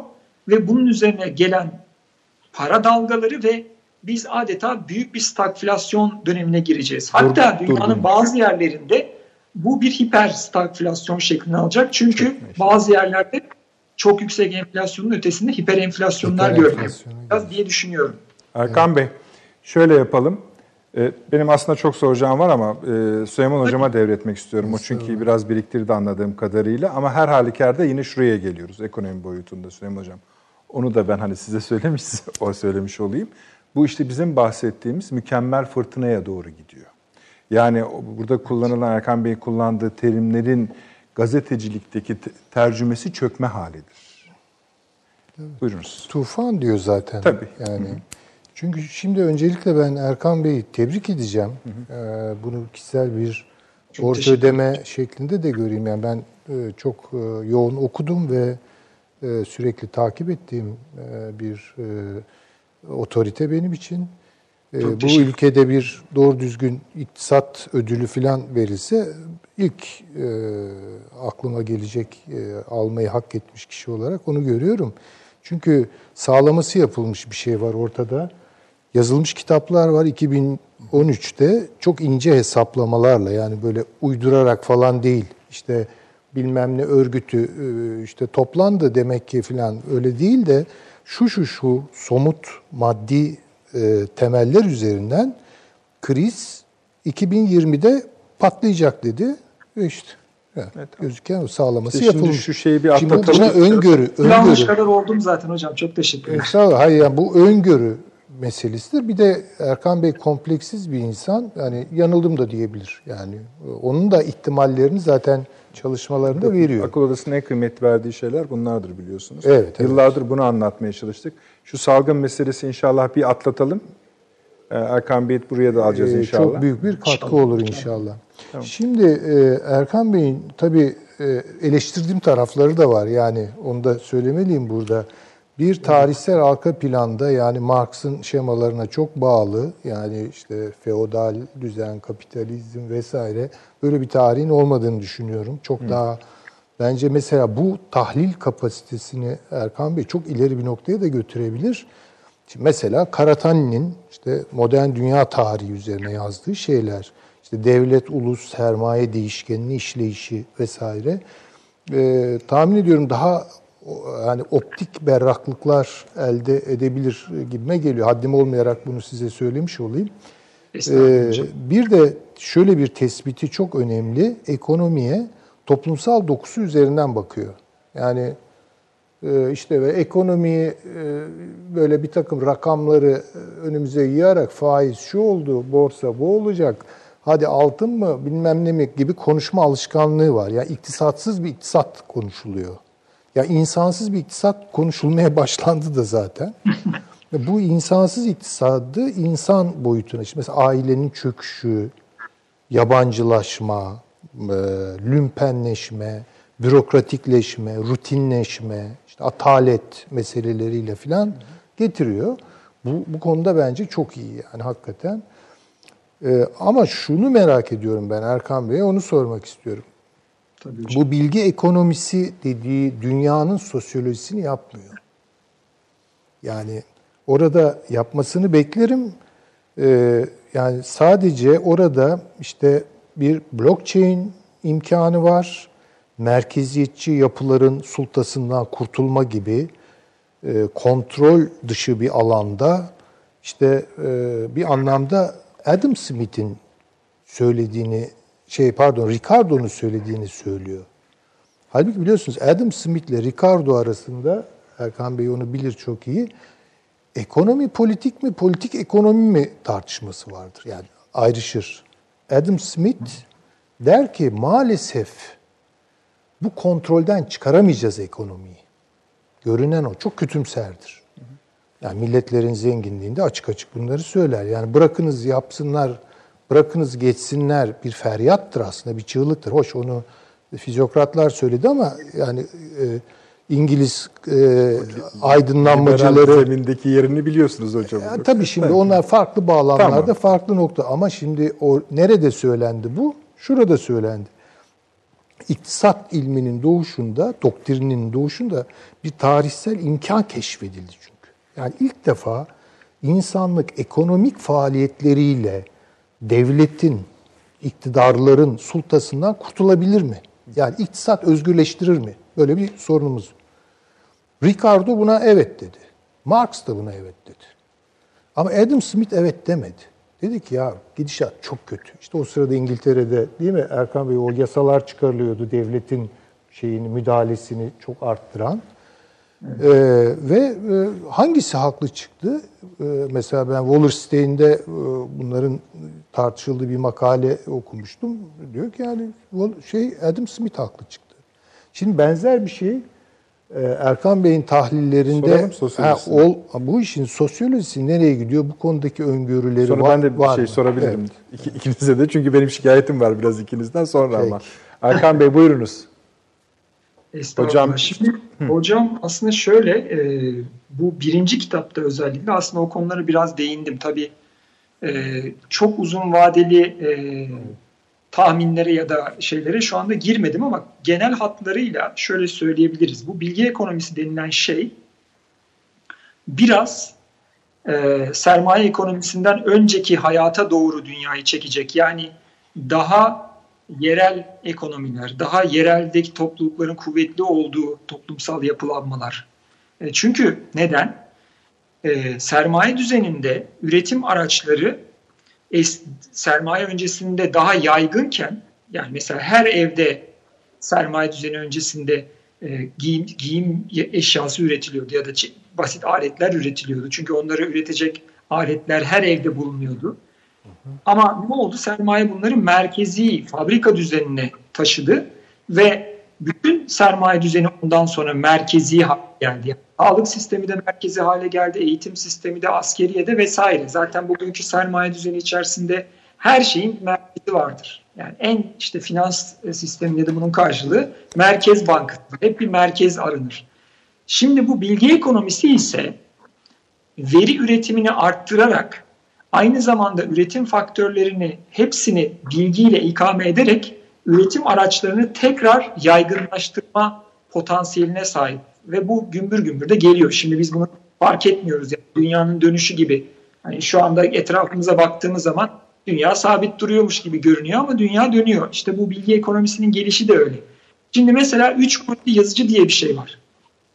Aslında bu blockchain'den de daha önemli bana göre. Birkaç yerde bunu ifade ettim ama üç boyutlu yazıcı demek üretimin bilgisayar olan her yere girmesi demek. Yani evinizde de mahallenizde de üretim yapabilmeniz demek. Tabii. Mesela şu anda sermaye sisteminin neden kilitlendiğini gösteren çok güzel bir örnek. Bu kadar milyar dolarlar, trilyon dolarlar basılmasına rağmen, dünyanın her tarafında fabrikalar olmasına rağmen koronavirüs salgınına karşılık e, Amerika gibi sermaye düzeninin bir numaralı ülkesinde maske sorunu var. Ve ben Amerika'daki arkadaşlarımdan şu anda duyuyorum. Evinde 3D printer olan, 3 boyutlu yazıcı olan arkadaşlardan maske üretmesi isteniyormuş. Türkiye'de de bu hareket başladı. Türkiye'de de birçok insanda şu anda 3 boyutlu yazıcı var. Maske üretelim diyorlar. Yani yerelde insanlar kendi problemlerini kendileri çözsün diyorlar. Bütün zaten sistemin sorunu bu kıymetli hocalarım. Ben bu gelişmiş eski sanayi uygarlıkları içerisine e, para ekonomileri içerisinde Rusya'yı da katıyorum. Avrupa'da başladı bu iş. Amerika'ya gitti, Japonya'ya gitti, Rusya'ya gitti. Rusya'da Sovyet sistemi de bir para ve sanayi ekonomisiydi. Ve bunu tahmin ettiğiniz zaman aslında orada da bir sermaye ekonomisi vardı. Sadece sermaye devlet sahipti. Ve Rusya'da e, süsler, işte kenar faktörler falan tamamen ortadan kaldırıldığı için ve tam bir merkeziyetçilik uygulandığı için Sovyetler bir dönem Batı'nın önüne bile geçti. Sonra en son trene binmiş olmasına rağmen. Ama çok hızlı gittiği için de ne yaptı? Duvara tosladı, çöktü. Sam Samuelson, Şimdi, Samuelson 1970'lerde kaybettik diyordu biliyorsunuz. Yarışı kaybettik, Ruslar kazandı. Yani evet, Sovyet... görünüyor. Halbuki 10 sene sonra çöktü. Görünüyordu. evet. Ama o kadar hızlı bir merkeziyetleşme ve bürokratikleşme yaptılar ki sonuçta sistem çöktü toplumla beraber. Şimdi batıda o kadar sert olmayacak fakat aynı merkeziyetçiliği onlar da yaptıkları için bugün Fed'in yaptığı nedir Allah aşkına? Bütün ya, ya. finansal sistemdeki bonoları, borçlanma kağıtlarını, her türlü varlığı alıyorlar kendi bilançolarına. Bu ne demektir? Finans sistemini adeta merkezi kontrol altına alıyor her şeye o karar verecek artık. Kimin batacağına, kimin çıkacağına. Serbest piyasa diye bir şey kalmıyor. İşte bu merkeziyetçilikle her şeyi çözeceğiz yanılgısı zaten sistemin e, şu anda yaşadığı en büyük kriz. Bunun karşısında bilgi ekonomisi e, çok sarsıcı etkenlerle adım adım geliyor. Üretimi anlattım bu üç boyutlu yazıcılar çok daha gelişecek. Biz önümüzdeki 10 yıllarda üç boyutlu yazıcılarla her kişinin kendi yiyeceğini, giyeceğini, ev eşyasını, beyaz eşyasını hatta ulaşım aracını, otomobilini veya uçan otomobilini neyse bunları üreteceğini konuşacağız. Ve bu toplumu baştan sona değiştirecek. Şöyle Şu bir anda, şey sorabilir miyim ben? Erkan Hocam pardon. Yani bunları tabii çok ayrıntılı anlatıyorsunuz. Ben de bu konudaki düşüncelerinize vakıfım. Bunlar potansiyeller ve imkanlar. Bir kısmı çok cari, hayata geçti bile. Bir kısmı yakın bir zamanda geçecek. Bunlar birer imkan. Fakat ben şunu merak ediyorum. Yani siz e, mesela para ekonomisi olarak tanımladığınız veya işte reel ekonomi olarak gördüğünüz bir sistemin çöküşüne yol açan bir yabancılaşma meselesini vurguluyorsunuz. Yani böyle e, ne diyelim e, etkinlik duygusunu kaybetmiş bireyler, yani yabancılaşmış bireyler. Tabii kurumsal olarak yani sosyolojinin yapı taşı, ailenin çöküşü diyorsunuz vesaire. Şimdi dolayısıyla bu bahsettiğiniz şeylerin, imkanların, işte 3D teknoloji vesaire bütün bunların insan üzerindeki e, mesela uygarlık temelinde, uygarlığın iddiaları temelinde yaratacağı etkileri, tesirleri nasıl karşılıyorsunuz? Mesela en çok ben sizi okurken ve dinlerken merak ettiğim şeylerden biri bu. Biraz böyle koyayım yani insan sonuçta ne kazanacak? İnsanlığı üzerinden ne kazanacak? İnsanlığı Şimdi üzerinden ne kaybedecek? Benim e, bakış açımda şunu görüyorum ben. E, bunlar e, ben anlattığım zaman işte bu iyi mi olacak, kötü mü olacak ya da insanlık bundan ne kazanacak, ne kaybedecek bunlar tabii ki önemli konular. Ama öncelik şurada. Bu çok büyük bir değişim olacak. Benim daha çok kafa yorduğum nokta o. Hmm. Şu anda bizim bulunduğumuz nokta çok kırılgan dünya tarihinde ve bu eski sistemin bir sistemsel çöküş yaşamadan ya da en hafif bir sistemsel çöküş yaşayarak öteki tarafa doğru geçmemiz konusuna daha çok odaklandım ben. Ama tabii bu gelecek kolaylar için ben şahsen şöyle düşünüyorum. Ne geleceğini bilirseniz ve ona uyum sağlama kapasiteniz varsa bu sizin için olumludur. Ama gelen şeyi reddederseniz o zaman bu sizin için yıkıcılık da getirir. İnsanlık alemi, insanlık tarihi boyunca bu dönüşümler sürekli yaşanıyor. Bunlar adeta döngüler şeklinde hareket ediyor. Ve bu döngülerden kaçmak, bunları durdurmak mümkün değil. İnsanlığa ne gelecek? Şöyle görüyorum ben. Ee, bilgi teknolojisinin şöyle bir potansiyeli var ve ben onun kullanılacağını düşünüyorum. Ee, Birçok yerde en azından. Ee, daha fazla demokrasi. Yani birçok yerde e, benim katılmadığım teoriler ortaya atılıyor. İşte blockchain teknolojisi devleti yok edecek e, vesaire. Ben bunlara hiç katılmıyorum. E, aksine Çin örneğinde gördüğümüz gibi blockchain ve benzeri bilgi teknolojileri devletin gereğinden fazla güçlenmesine bile yol açabilir. Ama bilgi teknolojileri ve bu üretimin yayılacak olması yani merkeziyetçilikten çıkacak olması bana ümit veriyor. Neden? Bir, ailenin tekrar e, toplumun merkezi haline gelebilmesi ihtimalini arttırıyor. Özellikle bu batıda dağılan ailenin tekrar toparlanması ihtimalini arttırıyor. Çünkü daha yerel, daha dağıtık bir ekonomi olacak ve onun etrafında aile bağları, sosyal ilişkilerin daha kuvvetleneceği e, bir ekonomi olabilir. Sizin programınızın başında söylediğiniz gibi büyük mega şehirlere dayalı değil de daha insanların sosyal mesafesinin, sosyal alanlarının geniş olduğu, daha kırsalda olan, daha toprakla haşır neşir e, bir yeni ekonomi, bir yeni toplum düzeni olabilir ve teknolojik imkanlar sayesinde insanların iradelerini devlet mekanizmasında çok daha kolay, çok daha etkin bir şekilde ifade edecekleri, daha katılımcı demokrasinin daha yaygın olacağı bir siyasi ve toplumsal mekanizma olabileceğini düşünüyorum. Ve o açıdan ben aslında e, şey taraftayım yani o gelecek olan olaylara olumlu bakan taraftayım. Ama şu ana kadar, bugüne kadar aldığım eleştiri hep olumsuz bakıyorsun hocam her şey felaket gidecek hocam diyorsun diye bana daha çok eleştiri yaptılar ama e, ben aslında e, yaşanacak değişim karşısında tedbirli olmak gerektiğini ve buna uyumlu yeni mekanizmalar, yeni gereçler, yeni araçlar geliştirmek gerektiğini söylüyorum aslında. Hakan Bey, e, ben doğru sizin söylediklerinizi çok şey yani e, karamsar bulmadım. Yok. Hatta tabii, tabii. E, hani son bölümde söylediklerinizi ki aynı zamanda bunların temennileriniz olduğu da hissediliyor. Yani gönlünüzden onun da geçtiği Ama o şundan kaynaklanıyor. Çok özür dilerim. Ee, Erkan Bey'in e, güncel, cari, aktüel olan şeyleri e, anlatırken e, yaptığı değerlendirmeler tabii ki bir çöküşü anlattığı için. Yani onu bir çöküş düşünürü olarak görüyorlar. Hayır, onu Halbuki anlıyorum. buradan çıkacak şeyleri ortaya koyarken son derece iyimser. Yani e, işte, işte onu görmüyor Beni de o taraf ama. korkutuyor. Yani evet. durumun kendisini anlattı, anlatması nedeniyle hani şey gibi gözüküyor, negatifmiş gibi gözüküyor. Hayır, hayır. Ama ben benim tahminimde bunun bir katastrofa yol açabileceği bu e, mükemmel e, fırtınanın. Ben biraz öyle. Ee, Çünkü şöyle şeyler de var. Müsaade ederseniz Süleyman Hocam bir son dakika, bir, birkaç son dakika gelişmesi var. Onları da paylaşıp hemen konumuza döneyim. Ee, 3952 yeni test yapıldı efendim. Son 24 saat içinde Sağlık Bakanı'nın, Sağlık Bakanlığı'nın açıklamasını paylaşıyorum. Alt yazıda da veriliyor zaten bir kısmı. 343 yeni tanı var. Ee, 7 e, vatandaşımızı kaybettik. Böylece rakam 44'e yükselmiş. Allah bulundu. rahmet eylesin. Hepsine Allah rahmet eylesin diyoruz. Ee, ama oranlarda sanki böyle bir daralmaya da ama daha erken İnşallah bunlar için. Yani. Ama Fransa'ya kıyasla mesela Fransa'nın rakamları da yeni geldi. 240'tan 1100'e fırlamış hayatını kaybeden insan sayısı. Biraz öyle bir e, durum var.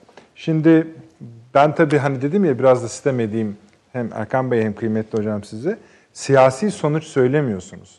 Yani siyasi sonuçtan ben şu, şu kadar son... Ben söylüyorum. Ha şu açıdan ama yani genel bir şey söylüyorsunuz. Mesela Avni Bey gidecek ülkeler söyledi. Ben de mesela değişecek ya da çökecek ülkeleri görmek isterim. Siyaseten. Hani e, temenninizi değil yani bunlar tehlikeli durumda demenizi beklerim. Ya Amerika Çok Birleşik şey Devletleri en başta. Tamam ama, ama ne? bunu mesela Erkan Hı. Bey de söylüyor. Ben onun adına şimdi konuşamam da. Hı hı. Yani kim bu kadar çok para bastıysa, kim ne kadar para bastıysa o en fazla topun ağzında. Hı hı. En fazla Hiç. para basan ülkeler belli. Yani biri Japonya, öbürü e, İsviçre değil mi İsviçre. Erkan Bey? İsviçre hiç kimsenin aklına gelmez. Ha, gelmiyor yani bunlar çok mesela. Para. Ha, Amerika Birleşik Devletleri. Buyurun. Şöyle bir şey de var. Orta Doğu'yu görmek isteriz çok mesela. Para bastı. Yani Süleyman Hoca'nın e, atıf yaptığı o konu doğru. Yani 2008'den sonra Çin'in ekstra bir e, çabasıyla dünya şu anda ayakta tabii, durdu. Tabii, tabii. Şimdi artık o da olmayacak ve Çin'in üzerinde şu anda çok işte büyük bir kredi var. Evet. Şöyle bir durumla karşı karşıya kalacağız. 1929 krizinde Amerika aynı bugün Çin'in durumundaydı. Çok yüksek üretim kapasitesi çok büyük kredilerle şişirilmişti. Şimdi bir yanında dünyanın 1929 Amerika'sına benzeyen bir Çin var. Öteki tarafta da yaşlı ekonomiler, bu Avrupa'sı, Amerika'sı, Japonya'sı da onlarda korkunç miktarda e, para basıp enflasyonist bir çöküşe doğru gidecekler. O yüzden bu geçiş dönemi için çok dikkatli olmak gerekiyor diyorum ben. Yani bu katastrofik bir e, adeta işte tarihte bunun örnekleri var. Yani bronz çağı çöküşünden bahsediliyor mesela. Tabii, tabii. O dönemde de Suriye'de büyük bir savaş varmış ve Doğu Akdeniz'de böyle bugünkü gibi bir küresel ekonomi varmış ve birdenbire o uygarlık çökmüş. Birçok etkenin bir araya gelmesiyle. Bir tek Mısır kaç yüzyıl geri gidilmiş. Bir böyle tek bir şey Mısır olmasın. ayakta kalmış galiba değil mi? Bir tek, evet, Mısır, bir tek Mısır ayakta kalmış. ee, diğer büyük e, Girit medeniyeti mesela e, tarihten silinmiş. Finikelilerin başına çok kötü şeyler gelmiş. Şehirler ortadan kaybolmuş ve yüzlerce yıl medeniyet yazı bile ortadan silinmiş mesela. Böyle bir şey olmayacağını düşünüyoruz. Çok az bir ihtimal ama e, dünyanın önünde de ciddi tehlikeler var. Evet. Erkan Siyasi Bey. sonuç olarak da çok bir cümle daha söyleyeyim tabii, tabii, Buyurun buyurun. Siyasi olarak da ben şöyle görüyorum. Dünyayı daha da merkezi haline getirmek isteyen aktörler var bugün. Var. İşte bunlar diyecekler ki şimdi bize çare olarak IMF'yi getirelim. IMF dünyanın merkez bankası olsun. E, uluslararası bir organizasyon bizi yönetsin. SD. Ben şöyle görüyorum. Bu dayatılacak ama başarılı olmayacak ve önümüzdeki dünya düzeni e, bizim Türkiye'nin de bugün politikası olduğu gibi e, yani dünya beşten büyüktür. Mer bir tek süper güç değil, birden fazla merkezi olan dağıtık bir dünya finansi, finansal ve siyasi e, mimarisi olacak diye düşünüyorum ben. Peki. Şimdi tabii o yani son bölümde söylediğiniz IMF üzerinden gelen benim Dünya Bankası hatta bana kalırsa Birleşmiş Milletler'in de bozulup baştan kurulması üzerinden bir şey yürütmeye gayret edebilirler. Hatta bu bir trilyon dolar hikayesini oraya bile götürebiliriz. Evet. Ee, onda mutabıkız. Hüseyin Hocam bir de tabii yani hep şunu söylüyoruz ya bir ekonomik nasıl söyleyeyim düşme vardı virüs onunla geldi ama bu aynı zamanda siyasi çöküntülerin de çok olduğu bir dönemde. Avrupa Birliği, ABD kadar Orta Doğu'da da. Yani bunlar bir yerden bir alev alırsa alacak gibi de duruyor. Neyse onda ayrı bir bahis edelim. Ee, Erkan Bey çok teşekkür ediyorum. En kısa zamanda sizi burada ağırlamak arzusundayız. Zaman ayırdınız. Eksik olmayınız. Ee, inşallah kısa zamanda görüşmek üzere. Efendim, görüşmek üzere. İyi yayınlar. E, biz de biraz sonra Çin meselesine bakacağız. Şu sebepten dolayı söylüyorum. Hocam ve Erkan Bey konuşurken hani onu kesmemek için söylemedim. Mesela dün okuduğum bir makalede e, Amerika'daki antibiyotikler ve antibiyotiklerin ham maddelerinin ne kadar Çin tarafından gönderiliyor ve üretiliyormuş biliyor musunuz hocam? Ne kadarı? Yüzde 95. Ya bu bu konularda bir hoş bir fıkra okudum ben. Bugün de neyse onu söylemeyeyim. Bunu söyle peki. Avni Bey'in rolü bugün sizde. Efendim reklamlara gidiyoruz. Hemen döneceğiz. Bu arada teşekkürleriniz için tek tek yapmam mümkün değil. Ama e, Süleyman Hocam'a da Erkan Bey'e de çok selamı olan dostlar var. Onları paylaşacağım. Size de eksik olmayın şimdiden onu söyleyeyim. Reklamlardan sonra buradayız efendim. 30 saniye reklam arası.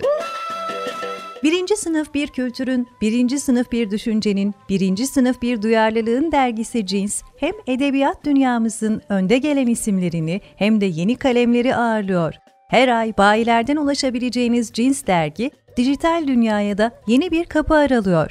Sayfalara sığdıramadığımız kıymetli yazılar, merak ettiğiniz yazarlarla cins sohbetler, dergiden ekrana yansıyacak röportajlar ve tabii podcast. Şimdi sizleri Cins'i tüm sosyal medya mecralarından ve gezete.com adresi üzerinden takip etmeye davet ediyoruz. Reklam arası sona erdi. Döndük efendim akıl odası devam ediyor. Tekrar tekrar tabii diğer sosyal medya aksamına da baktık öyle söyleyelim Süleyman Hocam. Çok teşekkür ediyoruz efendim bütün iltifatlarınız için eksik olmayın sağ olunuz. Ee, Süleyman Hocam e, burada bir ufak hani kör noktaları tespit açısından ben onun üzerinde durmakta yani en çok merak ettiğim yer orası da onun için söyledim. Mesela bugün Hindistan'da ne olduğunu tam bilmiyoruz. Hı hı. E, kendileri biliyorlar mı onları da bilmiyoruz. Ama şeyi kapattı. Kendisini karantinaya aldı. Rusya bunu daha önce yapmıştı. Çin'de de açılış konuşmasında söylediğim gibi bazı ertelemeler yapıyor. Yani sorun işaretleri yaratıyor daha doğrusu öyle söyleyelim. Nerede ne var tam bilmiyoruz. Ama gelinen nokta şu. Avrupa Birliği ya da kıta Avrupası da diyebiliriz herhalde tahmin ediyorum. Ee, toplam ABD ile topladığınızda Batı dediğimiz şeyin bizim için yani dünyanın geri kalanı için bir e, sonla buluşacağını düşünüyor musunuz? Batı'nın çöküşü. Tamam ama bir şey olacak değil mi onun yerine? Yani. Yani şimdi ben e, çok büyük ağır felaketler olmadıktan sonra tarih tarihte bir şeyin kolay kolay kaybolmayacağı kanaatindeyim. Yani demin mesela Erkan Bey bahsetti. Şimdi Hititler yok. Yani Sümerler yok. Ee, bilmem Frikyalılar yok. Ama Mısırlılar hala var. Persler hala var. Türkler var. Çinliler var. Hintliler var. Yani kadim bir takım böyle şeyler var. Ee, tarihsel halklar dediğim halklar var ki bir tanesi de mensup olduğumuz Türk e, kavmidir, halkıdır. E, bunlar da zaten bu işin kolay olmadığını gösteriyorlar. Şimdi mesela Almanya ne zaman Almanya oldu? Baktığınız zaman işte 1871 Bismarck değil mi yani? Evet arka planını kurcalarsınız bir şeyler gelir elinize de. Almanya'nın Almanya olması. Çizginizi anladım. Şunun için sordum. Hani size yardımcı olsun diye bağışlayın kesmiş oldum ama. Şu, mesela Foreign Policy şöyle yazdı. Dedi ki bu virüs meselesi şuna benziyor. 1956'da Süveyş krizinde İngilizler güçlerini eritmeye başladılar. Yani orada bir kriz çıktı ve İngiltere buradan atıldı zorla. Bu dünyadaki İngiliz hakimiyetinin erimeye başladığı pik noktasıydı. Ve böylece dünya yeni bir düzene geçmeye başladı. İkinci Dünya Savaşı'na da denk geliyor tabii arkasından. Ve yerine Amerika. Bu virüs bu olabilir diyorlar. Yani Foreign Policy'nin yazısı bu. Bu, bu tahlil bence çok köksüz bir tahlil. Peki buyurun. Da Sonuçta Foreign Policy yani, beni... şimdi doğru sorunuzu aklımda tutarak e, bıraktığım yerden devam edeyim isterseniz. Döneceğim Hayır, tabii, tabii buyurunuz, buyurunuz. Ya şimdi 1871, 1971, 2007 daha dur yani yeni yani. Amerika'nın 200 senelik tarihi var. İngiltere yani hadi böbürlensin bin seneden bahsedebilir. İşte Fransa işte bir 800-900 seneden filan. Şimdi e, çok nevzuhur e, milletlerin modern dünyada hakimiyeti, dünya hakimiyetini e, tutan merkezler haline geldiğini görüyoruz. Böyle bir tuhaflık var. Yani modernlik hakikaten sonradan görme, parvenu bir şey yani. Allah aşkına Avrupa'da şehir diyorsunuz değil mi? Mesela Paris anlatılı anlatıla bitirilemez. Bilmem Berlin'dir, Roma, şey e, bilmem Londra'dır falan. Avrupa'da bir tane şehir vardır. Roma'dır. E gayrısı sonradan olmadır. Yani öyle söyleyelim. Ama şimdi baktığınız zaman doğuya doğru, bu taraflara doğru geldi kadim şehirler işte İstanbul, yani 3000 senelik şehir. Eyvallah. Bilmem İskenderiye, Bağdat, Şam, e, efendime söyleyeyim Tahran, Semerkant falan gittiğiniz zaman... Yanan kütüphanesini hala yanar bütün ülke. Ha, tabii ki ya. Şimdi demek Öyle istediğim yani, yani buradadır şehirlerin tarihi. Ama buralar kaybetmiştir modern dünyada. Tarihin böyle cilveleri var. Yani bunu bağımlılık ekolü dediğimiz e, bir ekol. Bu Andre Gunder Frank, Sami Ramin gibi e, kıymetli tarihçilerin yani dünyadaki güç merkezlerinin, sıklet merkezlerinin oynaklığı dediği bir şey var. Bunlar dağılıyor. Yani mesela bir dönem ışık doğudan geliyordu, bir dönem batıdan geldi. Şimdi yarın ışığı batıdan beklemeyeceğiz. Yani böyle de bir şey var. Bahsettiğiniz hikayeye gelecek olursam, şimdi bu modern dünyanın başat gücü e, tarihsel olarak İngiltere. Ama İngiltere'nin ekonomik gücüne oturtuluyor bu değil mi? İşte kapitalizmin beşiği, ilk sermaye birikimi vesaire vesaire. Tamam. Ee, bunun mücadelesini de vermiş. Önce İspanya ile kozunu paylaşmış, sonra Hollanda ile paylaşmış, Fransa ile paylaşmış falan. Bunları aşarak falan gibi. Güzel. Sanayi devrimi işte 1840'lar hadi diyelim ki başladı.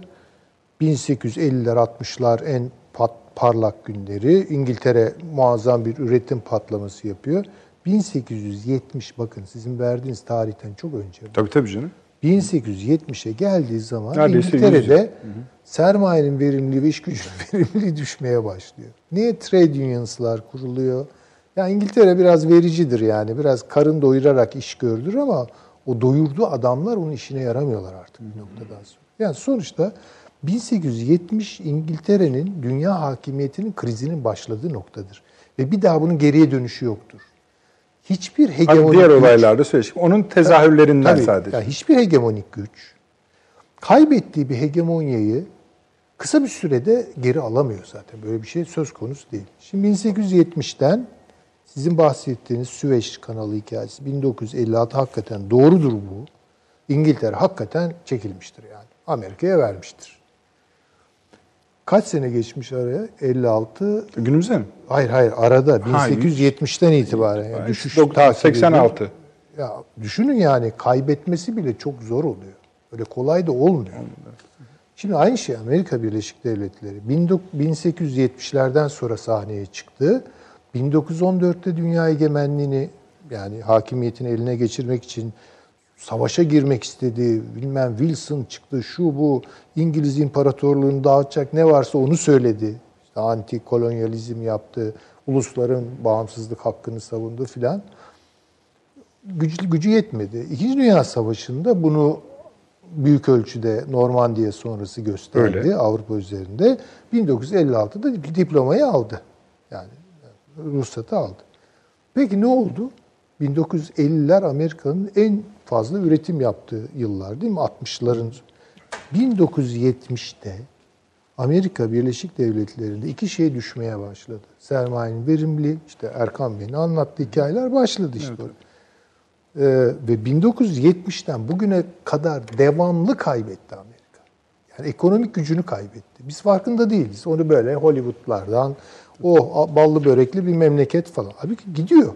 İçi boşalıyor yani Amerika'nın. Ancak Çin sahneye çıkınca biz bunu anladık. 1970 Peki. bakın 100 sene var arasında. Şimdi 1970'ten 2020'ye geldi. Kaç sene geçti? 30-50 sene, yarım asır geçti. Hala Amerika direniyor. Ama bunu e, kurtarabilecek mi hegemonyasını diyorsanız hayır. Geçmiş olsun. Peki. Çin, bunu biz bu durumu Çin ortaya çıkınca fark ettik evet, ki geç sayılır. Geç, geç sayılır. sayılır. Ama madem Çin ortaya çıkınca fark etti diyoruz. Doktor Altay Atlı Bey'i de yayınımıza katalım. Eğer uygun, uygun? Evet, yayında arkadaşlar. Altay Bey iyi akşamlar, iyi geceler öyle söyleyeyim.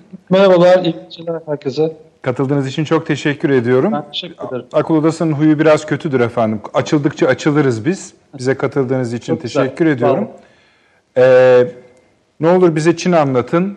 Ekonomi de hayli konuştuk. O konuda da ciddi uzmanlığınız olduğunu biz biliyoruz. Ee, buyurunuz. Ee, şimdi aslında e, takip ediyorum tartışmaları. Birkaç e, katkıda bulunarak e, yani çok güzel bir tartışma oluyor. Lütfedersiniz. E, ben işin tarihsel boyutundan ve 1870'i bir e, hani bir e, merkez nokta olarak aldınız. E, ondan önce tarihsel boyut ve Batı Doğu o, tartışması oldu. E, ben buna bir katkı olarak bir veriyi paylaşmak istiyorum. E, bir e, iktisat tarihçisi Agnes Madison'ın bir çalışması Şimdi bu hocamız şöyle bir çalışma yapmıştı. Tarihte geriye giderek ve bir yılına kadar giderek yani Hazreti İsa'nın doğduğu yıla kadar giderek e, dünyadaki farklı bölgelerin küresel ekonomi daha doğrusu dünya ekonomisi içerisindeki paylarını hesaplamıştı. Şimdi bir yılına baktığımız zaman Hindistan ve Çin'in toplamı bütün dünya ekonomisinin dörtte üçü, yüzde yetmiş beşi. Yani şimdi bir yıl dediğimiz zaman biz biliyoruz işte İsa'nın doğumunu e, zaten e, milat alıyoruz. O zaman ne vardı? İşte sizin de bahsettiğiniz Roma vardı. Avrupa vardı ve Roma vardı. E, o dönemi çok iyi biliyoruz ama bir yılında Çin'de kim vardı? Hangi hanedan vardı? Hindistan'da ne vardı? Kimler vardı? Bilmiyoruz bile. Halbuki Çin zaten dünyanın merkezindeymiş daha bir yılında. Şimdi e, o çalışmada da böyle baktığınız zaman e, o bir yılından alıp işte bugüne kadar getiriyor. Daha doğrusu 2001'e kadar getiriyor. Çalışma e, 2001 tarihli. E, oraya kadar getiriyor. Baktığınız zaman aslında dünya ekonomisi içerisinde Asya'nın payı hep ön planda olmuş. Çin'in payı hep ön planda olmuş. E, ee, 1800'lerde Amerika Birleşik Devletleri tarih sahnesine çıkınca belirli bir pay sahibi olmuş. Ama işte sizin de dediğiniz gibi 1870'lere geldiğimizde bir kırılma noktası aslında orada e, Asya içinde var. E, orada tabii batıdaki Avrupa'daki sanayi devrimi ve aynı zamanda sömürgecilikle beslenen, e, oradaki ham maddelerle beslenen bir sanayi devrimi, e, Asya'nın bunun gerisinde kalması ve Asya'nın payının düşmesi. Ne kadar bir zaman? İşte aslında bir 100 yıllık bir zamandan bahsediyoruz. 1800'lerin ortasından 1900'lerin ortasına kadar gelen bir süreçte Asya geriye düşüyor. Ama daha sonra tekrar ön plana çıkmaya başlıyor. Hikayeyi zaten aşağı yukarı biliyoruz. İkinci Dünya Savaşı sonrasında Japonya ile başlayan bir süreç. Daha sonra işte Asya kaplanları dediğimiz ülkelerin ve Çin'in e, bunu takip etmesi.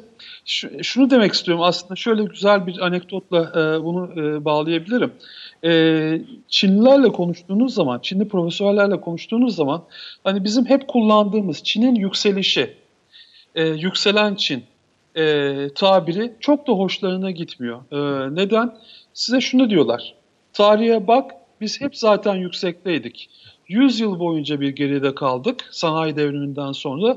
Şimdi tekrar biz geri dönüyoruz.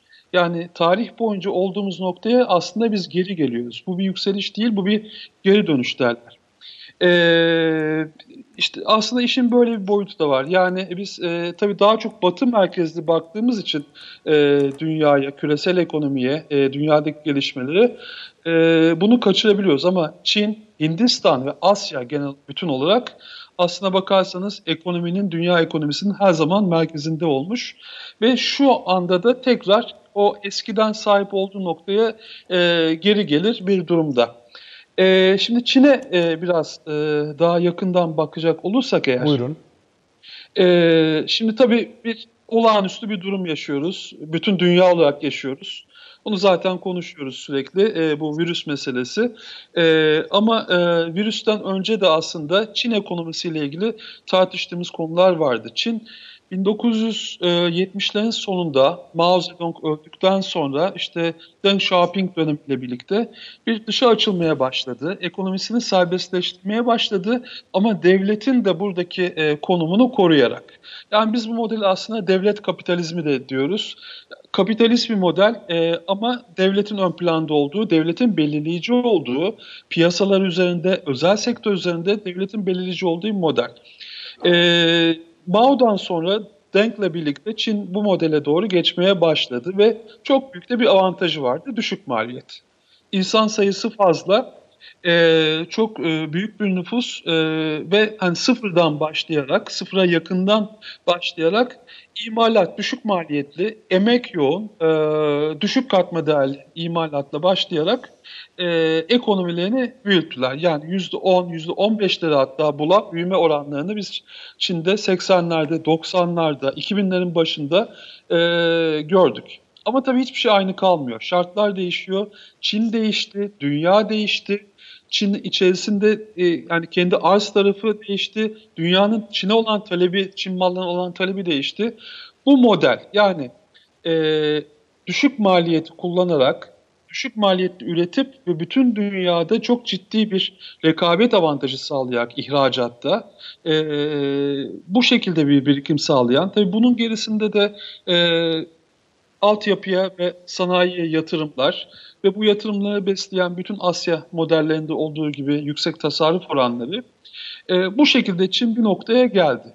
Ama zaten 10 senedir hatta 15 senedir biz bu modeli tartışıyorduk. Çünkü bu model artık eskisi kadar bir getiri sağlayamıyor. Artık sürdürülebilirliği kalmadı Çin için. E niye? E hiçbir şey aynı kalmıyor.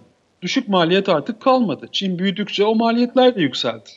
Yani şu anda mesela bir eğer e, Çin'de bir fabrika kurayım, orada ucuza üretim yapar, bütün dünyaya satarım gibi bir niyetimiz varsa e, bu artık Çin'de olmuyor. Yani Çin'in Çin'deki ortalama iş gücü maliyeti e, Vietnam'ın, Hindistan'ın 3 katı 4 katı e, seviyesine kadar geldi şu anda. E, yatırım yatırım çok büyük yatırımlarla bu %10'lar %15'ler sağlandı ama gelinen noktada bazı alanlarda, bazı sektörlerde artık fazla kapasite oluştu. Yani gereğinden fazla bir yatırım söz konusu. Neyse fazla uzatmayayım. E, e tabii işin talep tarafı da yani eskiden dünya her türlü malına çok daha fazla talep vardı. Artık orada da bir e, doyuma ulaşılmış oldu. E, şu tartışma vardı. Çin bu yapısal dönüşümünü ne kadar başarıyla gerçekleştiriyor? Bu yapısal dönüşümde nedir? E madem maliyetler yükseldi artık ma düşük maliyetten bir e, Çin bu rekabet avantajını artık sağlayamıyor eskisi kadar. E, e, o zaman başka bir rekabet e, avantajı kaynağı yaratmak lazım. E, o zaman da e, düşük maliyet, e, emek yoğun ve düşük katma değerli üretimden daha yüksek katma değerli, e, daha teknoloji yoğun, daha sermaye yoğun e, üretime geçmek. İşte o yüzden Çin teknoloji firmalarını biz daha çok duymaya başladık. E, ihracat pazarları daralıyor mu? E, o zaman asıl büyük piyasaya bakmak, orası da neresi? Çin'in kendi iç piyasası. E, Çin Çin halkı daha çok tasarrufa yönden, yüksek tasarruf oranları olan ve hala e, toplam tasarruf miktarı gayri safi yurt içi hasılasının %50'si kadar olan bir ülkeden bahsediyoruz. E o zaman şu noktaya gelindi. O tasarruflar yatırıma çevrilmişti, çok güzel. Fabrikalar kuruldu, üretti ama artık yenisine çok fazla ihtiyaç yok. Artık e, nicelikten çok e, yatırımlarda niteliğe ihtiyaç var. E, o zaman vatandaş da tasarrufunun bir kısmını artık tüketime e, yönlendirsin ki e, dışarıda ihracat e, tarafında kaybettiğimiz pazarı içeride canlandırabilelim. Kulağa çok güzel geliyor. Yaklaşık 10 yıldır zaten buradaki bu yöndeki çabaları takip ediyoruz. Ve e, ekonomideki büyüme oranı da e, bu süreç içerisinde devlet başkanı Xi Jinping'in tabiriyle yeni normaline doğru geldi. Yani öyle %10'lar falan değil artık %6'lar civarında yeni normale geldi. Şimdi e, ama şimdi, tabii virüs konusuna gelecek olursak daha gelmeden önce de Çin bunu ne kadar başarıyla sürdürebilecek? Bu çok ciddi bir dönüşüm çünkü bu e, ve çok büyük 11 trilyon dolarlık bir ekonomiden bahsediyoruz. E, bunu ne kadar başarıyla da yapabiliyor diye sorgularken e, önce ticaret savaşları e, geldi. Bu Altay Hocam. Sonra da tabii diğer konular e, ve bunların başında da Hong Kong'daki gösteriler. Heh, ben onları söyleyecektim Altay Hocam. Duyuyor musunuz beni? Duyuyorum. Aha. Şöyle, ben de tam oraya bağlayacaktım. Şimdi bu virüs meselesi başlamadan evvel bir Hong Kong problemi vardı. Çoğu yorumcu ben de dahil bunun biraz batı beslemeli olduğunu düşünüyor. Bir insan hakları her zaman olduğu gibi üstüne Çin'e yönelik vardı. E, ticaret savaşları vardı, Asya-Pasifik dengeleri ve nihayet İpek yolu meselesi vardı. Evet, Bizim evet. İpek yolu diye kısaltarak evet. söylediğimiz işte tek yol, vesaire. Şimdi evet. Bu virüsten sonra, virüsün pat, yani ortaya çıkmasından sonra bütün bu rekabet ve problem alanlarının Çin'in yenilgisiyle sonuçlanabileceğine ilişkin kısacık bir dönem yaşandı. Şimdi bu tersine döndü.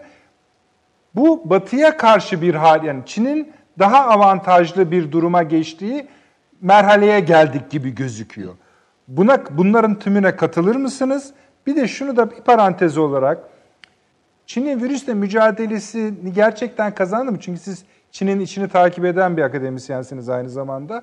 Bu hakikaten onun söylediği kadar var mı? Onu da sorayım. Buyurunuz. Evet. Ee, ilk söylediklerinize kısmen katılıyorum diyeyim. Şöyle tabii. izah edeyim. Ee, şimdi baktığımız zaman tabii ki Çin'de ekonomi durma noktasına geldi. Ee, hani çünkü virüs meselesi hem arz tarafını etkiliyor hem talep tarafını etkiliyor. Ee, çok ciddi. Daha önce aslında e, yaşanmamış, dünyanın da yaşamadığı bir durumla karşı karşıyayız. Şimdi kuşak ve yol dediğimiz zaman e, orada bütün dünyadaki yatırımlar e, şu anda hepsi zaten durma noktasında. Hmm. Ee, onun dışında ticaret savaşlarında hani işte önce kaza kaybetmiş gibi dursa da sonra acaba kazandım dediğimiz zaman e, ticaret savaşlarının kazananı yok zaten. Yani Amerika mı kazanıyordu Çin kaybedip? Hayır şu anda ikisi de kaybediyor aslında. Ha şu var tabii katıldığım şu nokta var. E, şimdi Çin'in bütün bu konular içerisinde evet ekonomi tarafında kuşak ve yol üzerinden olsun, ticaret savaşları üzerinden olsun ekonomi tarafında şu anda kazandığı bir e, durum yok. E, ama e, Çin bu krizi önce yaşadı, bu sağlık krizini, e, bu salgını önce bütün dünyada önce yaşadı, hazırlıklarını daha önce aldı e, ve bütün dünyadan şu anda daha önde gidiyor önlemler konusunda da. E, ve Çin'in şu anda dışarıya yardımlar yapmaya başladığını da görüyoruz. Yani İtalya'dan tutun da hatta Türkiye'de de söz konusu. Amerika'ya da yapıyor. Amerika'da e, söz konusu birçok yere yardımlar yaptığını da görüyoruz. Şimdi işte aslında bütün programımızın başından beri olan tartışmaları da bunu e, ekleyecek olursak e, aslında bizim bu virüs öncesi dünyamızda zaten küresel düzeni sorguluyor ya da küresel düzensizliği sorguluyor. Bir liderin olmayışını, Amerika'nın artık bu lider konumunda olmayışını e, tartışıyorduk. Doğru. İşte bu dünya içerisinde şimdi Çin bu noktada bir belki hadi bunun adına yumuşak güç de diyebiliriz. Yani literatüre oradan da e, e, bağdaştırabiliriz. Bir yumuşak güç unsuru olarak şu anda bir kriz var. Küresel bir kriz var. Gerçek bir küresel kriz var. Yani suni falan değil. Gerçek bir küresel kriz var.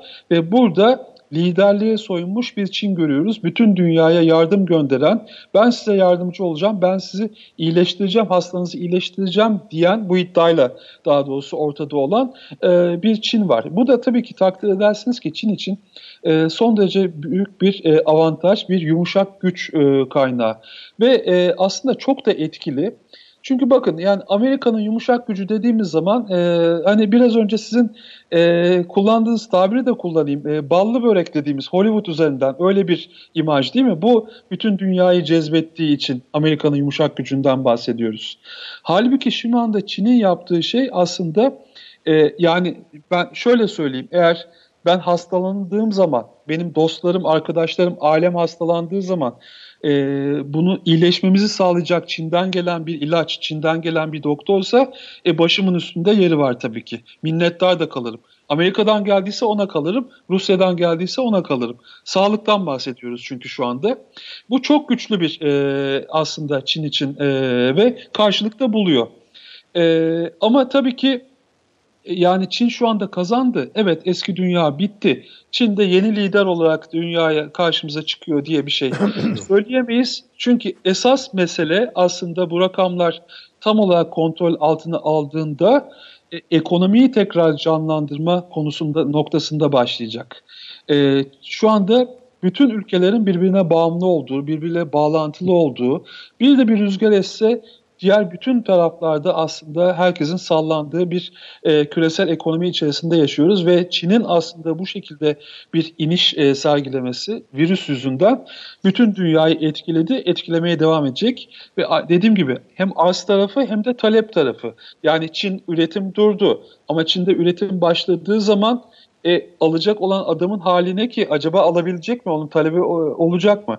E, şimdi asıl mesele asıl bir küresel liderlikten bahsediyorsak eğer bütün bu aslında iş kontrol altına alındığında artık tekrar biz çalışmaya başlayabildiğimizde işte küresel ekonomiyi tekrar ayağa kaldıracak ve bu şekildeki krizlere karşı daha korunaklı hale getirecek olanlar kimler olacak? Eğer Çin burada başı çekebilecekse eğer evet o zaman ben Çin için e, bu işlerin galibi o zaman diyebilirim ama bunu görmemiz için de daha çok vakit e, var herhalde diye düşünüyorum. E, ikinci sorumuza gelecek Buyurun. olursam e, Çin'de şu anda Çin gerçekten kontrol altına aldı mı peki bu meseleyi? Evet Çin daha önce aslında herkesten önce yaşadığı Herkes hazırlıksızdı buna. Çin de hazırlıksızdı. Çin hazırlıklarını aslında çok kısa süre içerisinde yapabildiğini de gördük. İşte o 6 gün 7 gün içerisinde yapılabilen, e, inşa edilen hastaneler. E, şimdi çok kapatılmış artık ihtiyaç kalmadığı için kapatılmış durumda olduğu e, söyleniyor. Ve Çin bir ölçüde kontrol altına aldı. Ama tabii ki Çin'de şu anda hani bazen televizyonda Çin kanallarından da görüyoruz böyle işte e, yola dizilip şarkı söyleyenler, doktorları uğurlayanlar bunlar tabii çok şirin şeyler. E, ama aslında Çin'deki mücadele devam ediyor. Yani şu anda da öyle günlük Hocam neşlik... şöyle bir şey söylüyorlar. Yani mesela e, mesela Pekin'de yani başkentte mesela çok çıkmadı ya da e, Wuhan'a yakın eyaletlerde de 10 milyonlarca nüfusu olan eyaletler var. Oralarda da çok yükselmedi. Bunu gerçekçi bulmayanlar var. Siz de öyle mi düşünüyorsunuz yoksa hayır bu e, kontrol edildi mi diyorsunuz? Evet yani rakamlar üzerinden çok fazla hani e, konuşabilecek durumda olduğumu düşünmüyorum. Çünkü elimizde sadece Çin'den gelen resmi rakamlar var. Ve e, hani evet oradaki arkadaşlarımızla da konuşuyoruz. E, e, ama yani çok sağlıklı bir veri yok elimizde. Ama Peki. elimizde şunlar var. Ee, mesela şu anda Pekin'e e, inen bütün uçuşlarda, bütün uçuşlardan inenler 14 gün karantinaya alınıyorlar. Hı hı. Ee, yani bu önlemler çok sıkı bir şekilde devam ediyor. Ee, sayının azaldığı bence doğru tabii ki. Yani rakamların, yeni vakaların azalmış olduğu doğru. Ama sıfıra kadar indi mi yoksa ne kadar indi? E, yani elimizde sadece Çin'in açıkladığı resmi veriler var. Tartışılabilir tabii ki. Peki. E, ama e, bütün bu hani işte zafer tırnak içerisinde görüntülerin arkasında Çin'de e, önlemlerin çok sıkı bir şekilde devam ettiğini de belirtmek gerekiyor. İşte yani uçakla indiğiniz zaman 14 gün nereden geliyorsanız gelin karantina. Pekin'de şu anda geçerli ama sanıyorum diğer şehirlerde de başlayacak. E, ve onun dışında aslında mikro seviyedeki uygulamalar yani Çin aslında belki de avantajı diyelim. E, zaten böyle bir sosyal kontrol sistemi içerisinde olan bir e, ülkeydi. Yani ben de bir dönem yaşadım Çin'de. Biliyorum. E, mesela bizim mahallemizde site gibi düşünün. E, orada zaten bir kontrollerle giriyorsunuz, çıkıyorsunuz. İşte bir e, bir tetkikler, hep kontroller yapılıyor. E, şimdi geldiğimiz bu durumda da e, o tür yerlerde herkesin girişte çıkışta mutlaka bir e, ateşine bakılıyor. Ona göre girmesine izin veriliyor. Hatta bir QR kodu sistemine geçilmiş. Sizin sağlık durumunuza göre size bir QR kodu veriliyor. Yeşil veya kırmızı. Bazı yerlere uygun QR kodunuz yani sağlık durumunuzun uygun olduğunu gösteren QR kodunu taşıyorsanız ancak girebiliyorsunuz. Peki ee, hocam. Bunun için Çin'in altyapısı zaten e, vardı yani e, ama onu da şu anda etkin bir şekilde e, kullanıyorlar, uyguluyorlar ve uygulamaya da devam ediyorlar. Peki. Atay Hocam sizden de e, söz almış sayıyorum kendimi. İnşallah bu salgın atlattığımızda siz de stüdyoda ağırlama imkanı bulacağız. Ben çok teşekkür ediyorum. Tekrar zaman Ben teşekkür ederim. En kısa zamanda görüşmek üzere. İyi yayınlar diliyorum. Süleyman Hocam ekleyeceğiniz bir şey varsa bu konuşmaya... E... Çin çok su kaldırır. Çin kaldırır. Arazi müsait hocam. Yani kaldır diyorsanız dalarım. Girerim Hayır şöyle aman dalmayın o kadar değil. Ee, bir, hani rek, reklama, reklama gidelim. Gidelim. Tamam. Bir reklama gidelim. Devam edeceğiz yeni konuklarımızla ve Süleyman hocamızla birlikte. 30 saniye reklam arası. Birinci sınıf bir kültürün, birinci sınıf bir düşüncenin, birinci sınıf bir duyarlılığın dergisi Cins, hem edebiyat dünyamızın önde gelen isimlerini hem de yeni kalemleri ağırlıyor. Her ay bayilerden ulaşabileceğiniz Cins dergi, dijital dünyaya da yeni bir kapı aralıyor. Sayfalara sığdıramadığımız kıymetli yazılar, merak ettiğiniz yazarlarla cins sohbetler, dergiden ekrana yansıyacak röportajlar ve tabii podcast. Şimdi sizleri cinsi tüm sosyal medya mecralarından ve gezete.com adresi üzerinden takip etmeye davet ediyoruz. Reklam arası sona erdi. Akıl Odası efendim devam ediyoruz. Ee, arkadaşlar bu bir şeyimiz vardı DSFM. Onu bir verebilir misiniz? Onu ha eksik olmayın. Bu efendim bugün Donald Trump'ın attığı, şimdi söyleyeceğim. Virüsle mücadele noktasındaki konusundaki son tweetlerinden birisi. Ee, Altay Hoca demişti ya hani Çin aslında biz hani yeni yeni büyümüyoruz. Geri dönüyoruz, geri döneceğiz. O süreç yaşanıyor diye. Şimdi bu Twitter mesajının en altında da we will come back strong. Daha güçlü geri döneceğiz yazıyor. Şimdi teşekkür ederim Aksel alabilirsiniz. Ee, Süleyman Hocam nereden geri dönüyor? Gücünü ne zaman kaybetti? İşte. Hani e, daha virüste ben gayet iyi kendimi hissediyorum, hiç tahlile falan gerek yok diyeli saatler, günler yani hafta olmadı daha Trump. Demek ki yani kendisi için değil elbette ama daha güçlü geri döneceğiz de bir sorun var. Yani kendileri de bunun farkında. Bu virüsle mücadelede ve virüsle mücadelede dünya rolü, dünyadaki rolü üzerindeki gerilemenin kendileri de farkında. Bu 2013-2014 Ebola krizi sırasında Amerika lider konumdaydı. Hem kendisi çok yardımda bulundu, hem uluslararası kuruluşları harekete geçirdi, hem de diğer ülkeleri yardım etmek ve organize olmak konusunda liderlik yaptı. Şimdi mesele şu, asla öyle bir durum yok şu anda ortada ama Amerika bunu istiyor mu istemiyor mu ondan da emin değiliz. Neyi istiyor? Yani buna liderlik yapmayı, yeniden hani öne geçmeyi vesaire vesaire. Sadece işte gülüyorsunuz ama durumu ee, belki şöyle olabilir. Böyle yorumlar var. Bir aşı bulur ise. Amerika mı? Hı hı. Aşı bulur ise son düzlükte ya da yani uzatma dakikalarında bir altın gol atabileceğinden hatta şöyle bir ifade kullanıyorlar hocam. Manhattan projesi gibi. O da ilginç bir örnek. Aşı bulmak için yeni bir Manhattan projesi başlatılmalı. Yani onu da hatırlatalım değil mi? Atomun atom bombasının bulunması için Amerika'nın yaptığı bir projeydi o. Şimdi böyle bir şey olması gerektiğini düşünüyorlar. Yani ben tabii çok bu işlerden anlamıyorum. Bu aşı farmakolojinin işleri bunlar da. Ee, yani bir aşının bulunması bugünden yarına bir iş değil. Yani ama ya suni ise? Ne, ne gibi? Yani virüs suni ise yıllar önce bulunmuş olabilir. Ama Başısı. kamuoyuna ne diyecekler dünyaya? E yeni bulduk. Siz onlarda laf mı arıyorsunuz? Ama yeni bulduk. işte onu anlatamazlar. Hı. Çünkü bu yeni çıkmadı mı bu hastalık? yani yeni çıktı. Tamam. Dolayısıyla bunun açısı en az hani benim duyduğum kadarıyla tabii, yanılıyorsam bağışlasın beni farmakologlar ama bir buçuk tabii sene... öyle söyleniyor. Bir, ee, bir buçuk yıl. Yani bir buçuk sene sonra evet biz bulduk bu aşıyı diye çıkarlarsa e, bir buçuk sene sonranın dünya koşullarında bunu konuşmakta fayda var derim. yani, aşı yapabilirler diyoruz. Yani hızlı yapabiliriz lafı çıkar yani. Ama onu yap, yapamaz, ikna edemezler yani. Bütün aşamaları geçmiş mi olacak bir anda o aşı? İşte şu kadar insanda denenmiş olması lazım vesaire Manhattan, değil Manhattan mi? projesi. Ama, e, vallahi bilmiyorum. Peki. Yani şunu söyleyelim bir kere ama bunların getirdiği bu e, ne diyelim soft power hikayesi ben bu Amerikan International Relations ürünü kavramlardan hiç hoşlanmıyorum. Böyle hard power, bilmem soft power falan bunlar uyduruk uyduruk laflardır. Hı. Propaganda faaliyeti, kendini kabul ettirmek için kullandığı kültürel araçlar, adam gibi konuşmak lazım bunları. Ee, Amerikan rüyası, Amerikan hegemonyasının pastasıydı. Ee, ve bu pastadan herkese yedirdiler. Herkes bunun lezzetine inandı. Yani yedi veya yemedi ama yemeği hayal etti. Yani bilmiyorum. Güzel bir pasta çıkarttılar ortaya.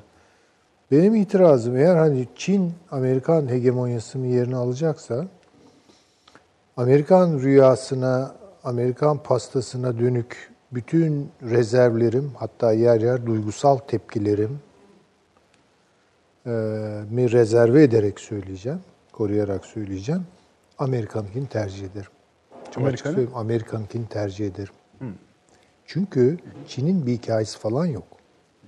Çin dünyaya ne kadar açılırsa açılsın 5000 senelik kapalı kalmış bir tarihi var. Bunun da tapusu, göstergesi o Çin Seddi. Adamlar dünyaya kapanarak var olmuşlar. Dünyaya kapanarak var olma alışkanlığını, dünyaya açılma alışkanlığına tebdil etmek, bunu değiştirmek neyle olacak, nasıl Göreceğiz olacak hocam. bilmiyorum. Ama bir hikaye yok. Şimdi zaten son parti kongresinde konuştu bunların liderleri. Yani bir hikaye bulmamız lazım. Günaydın. Yeni mi aklına geldi? Ne anlatacaksın dünyaya? Nasıl bir Çinli anlatacaksın? Nasıl bir Çin hikayesi anlatacaksın? Yok. Dolayısıyla çok kaba girecekler. Yani bir şey kuracaklarsa çok kaba. Yani Amerikan rüyası saçma sapandır. Uydurmadır. Ee, eleştirebilirsiniz. Ağzınıza geleni söyleyebilirsiniz. Ama ya bir şey var ya insanda büyülüyor. Bakın dinlerden sonra insanlığı büyülemiş tek büyük hikaye Amerikan rüyasıdır. Ya eşit derecedir dedir etkisi. Çok şaşırtıcı. Herkesi tuttu. Vaka olarak öyle Vaka ama uyanmamız pek öyle. hoş olmadı. Efendim? Uyanmamız pek hoş Ha, olmadı. uyanmamız tamam şimdi. İyi ki de uyandık. Yani o rüyayı gö- yani çünkü o rüya gerçek değildi. Yani işte Hollywood bunu pompalıyordu. 1930'larla 1970'ler 40 sene insanlara belki biraz daha öncesidir şimdi e, dostumuz Semih Kaplanoğlu'nu da analım sağ olsun. Tabii, Selam söyle. Ee, evet e, yani sinema tarihini ben tabii e, çok iyi bilmiyorum ama 40'larda 50'lerde filan saçma sapan Amerikan filmleri seyrettirildi. Ve Amerika'yı öyle zannettik biz yani. Ee, Celal İnce diye bizim bir şeyimiz vardı biliyorsunuz. Şarkı. Şark, e, tango sanatçımız. Amerika'ya göç. Hala da sağmış yani duydum. 100 yaşına mi? filan. Tabii Ha, tabii. maşallah. İşte Amerika Amerika seni seviyoruz, yanındayız, Hürriyet Savaşı'nda filan saçma sapan, köle ruhlu şeyler yani, iğrenç filan. Oralara hiç girmeyelim. Ha yani şimdi bunlar tamam hepsini ama yani Ama hiç Çin'in- girmeyelim derken yani program şimdi. için girmeyelim. Bunlar aslında daha Tabii tabii konuşulur. Hani ön sözü yazılmamış Yazılma işler. tabii tabii. Ön sözü Tabii. yazılmamış işler. Çok doğru. Yani bu Amerikan nüfuzunun, Evet. hegemonyasının insanlığa kaybettirdiği öyle ağır şeyler var ki bunların mesela ama güzel tamam bunu yıktık. Yıkılacak bu belli. Ayakta kalmayacak. Bize de kalmayacak zaten. Ha. yani. Hani Ama yani yerine gelen ne anlatıyor yani şimdi? Çin ne anlatıyormuş bakalım. Yani şimdi çünkü herkes şöyle canı yandığı için bu Amerikan hegemonyasından falan bir anlamda kompanse edici, telafi edici bir şey gibi gözüküyor bu Belki Çin. yani, yani bizim bir hikayemiz var. Baştan da hikayesini Türkler bakın eğer Çinlilerin yerinde olsaydı Türkler çok açık bir bak. Türklerin macerasına bakın. Yani ta Orta Asyalardan kop gel. Koca o İran'da asimile olma. Değil mi? Tabii. Hindistan'da bile öyle kolay kolay asimile olmadık. Anadolu'ya gel. 40 bin tane topluluk, otokton. Bunların içerisinden temayüz et. Hepsini al ve üstüne çık Dünya falan. İmparatorluğu kur. Yani Ve Türkler- sadece şu kafi. Bu yani bu coğrafyada yaşa bu kadar yüzyıl o bile kafidir yani. başarı. Evet evet yani. Bu hikaye istedim. Hani bizim biz bir hikaye anlatabilirdik vallahi. Tabii. Ama Peki Çinlilerin böyle bir hikayesi olacağını ben Peki. Şimdi biraz daha içeri dönelim. Biliyorsunuz bu salgın e, meselesinin hassas konularından birisi de e, askeriyedeki durum. Askerin buna nasıl mücadele ettiği vesaire. E, zaman zaman e, evlatları orada olan ailelerin bazı e, tabii kaygılanıyorlar. Oysa gerek yok çünkü en, en yani en olunabilecek yerlerden birisi. Evet. Yani disiplinli açısından da öyle. Ama sadece bu değil. Yani bir de biz bu meseleyi nasıl ele alıyoruz? Artı kendi görüşleri de olacaktır. Ee, Abdullah Ağar hazır mı arkadaşlar? Evet. Sevgili Abdullah, bir, biraz seni geciktirdim, beklettim. Kusura bakma, peşinden özür dileyim seyircilerimizin huzurunda. Ee, neresinden başlamak istersen buyur lütfen. Şimdi hem size hem e, değerli konuklarınıza saygılar ve selamlar. Evet, elbette selam. ki e, öncelikli olarak e, izleyicilerimize. Tabii e, ben şunu anlamaya çalışıyorum açıkçası. e, koronavirüsün e, dünyanın geleceğinde ve dünyanın jeopolitiğinde ortaya koyacağı etki. Şimdi tabii e, biz e, son derece doğal reflekslerle hatta terminolojik yaklaşımıyla en tehlikeli hedef en yakın ve en çok hissedilen hedeftir, tehdittir. E, temel gerekçesiyle şu an koronavirüsün sağlık boyutuna kilitlenmiş durumdayız. E, ama bir diğer tarafıyla da e, özellikle dünya jeopolitiğiyle ilgili, e, coğrafi jeopolitikle ilgili, bölgesel jeopolitikle ilgili ortaya koyacağı tehditleri, sorunları ve fırsatları da mutlaka değerlendirmek ve doğru yerde, doğru zamanda, e, doğru dozajda e, e, hamle yapmak zorundayız. Yoksa açıkçası ortaya koyacağı veya koyabileceği istikrarsızlık e, pek çok milli güç unsuru üzerinde son derece derin etkiler ortaya koyacağını öngörmemiz gerekiyor. Yani sadece sağlıkla ilgili değil, e, gerek e, siyasi olsun, gerek askeri olsun, gerek coğrafi olsun, gerek inanç olsun, gerek e, bilimsel ve teknolojik olsun, e, gere, gerekse de e, diğer milli güç alanlarında olsun. Yani açıkçası çok derin etkilerinin gelecek zaman içerisinde hissedileceğini ve eğer e, doğru pozisyon alınamazsa e, devletin insicamını, vatanın insicamını hatta dengesini de bozabileceğine dair riskler üretebileceğini öngörüyor olmamız gerekiyor. Evet siz e, program içerisinde son derece güzel ve önemli bir şekilde işin ekonomik boyutunu ele aldınız.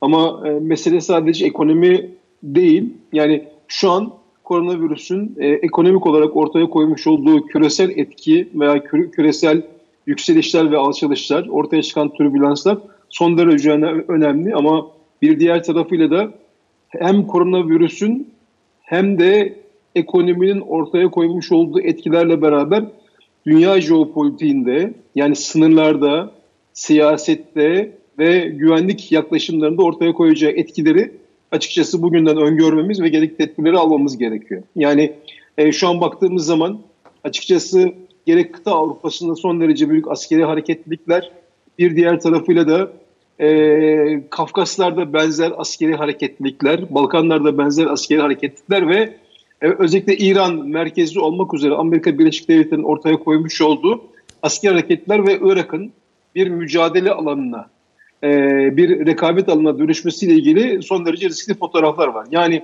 şu ana kadar hep Suriye'nin ve Irak'ın parçalanmasını konuşmuşken bir anda e, Suriye'nin ve Irak'ın parçalanmasıyla ilgili bir takım oldu bitti veya kendi doğal içerisinde gelişen denklemlerle, sorunlarla karşı karşıya kalabiliriz. Bir diğer tarafıyla İran'da ortaya ortaya çıkan bu koronavirüsünün ortaya koyacağı e, ayrıştırıcı veya parçalayıcı etki bir diğer tarafıyla e, yapılacak müdahalelerle beraber çok farklı şekillerde derinleştirilebilir ve sorun bir toplumsal kaos olarak kendisini gösterebilir. Bir diğer tarafıyla e, kendi ülkemizle ilgili benzer senaryoların devreye girebileceğini açıkçası öngörmemiz gerekiyor ki bununla ilgili açıkçası özellikle değişik alanlarda özellikle sosyal medya vesaire kullanarak toplumun istikrarsızlaştırılmasıyla ilgili pek çok e, operasyonun devrede olduğunu öngörüyor olmamız gerekiyor ki bu noktada açıkçası Nedret Bey şu cümleyi de kurmamız gerekiyor. Yani biz özellikle 15 Temmuz darbe girişiminden önce başlayan ve Türkiye Türkiye'nin parçalanmasıyla ilgili bir sonuç üretmeye çalışan Cumhuriyet tarihinin en büyük İslam gelişim mesul mal çatışmalarından başlayıp o günden bugüne kadar sürekli değişik alanlarda, değişik eksenlerden e, tehditlerle karşı karşıya kalmış ve bunlarla mücadele etmiş olan bir ki bir ülkeyiz.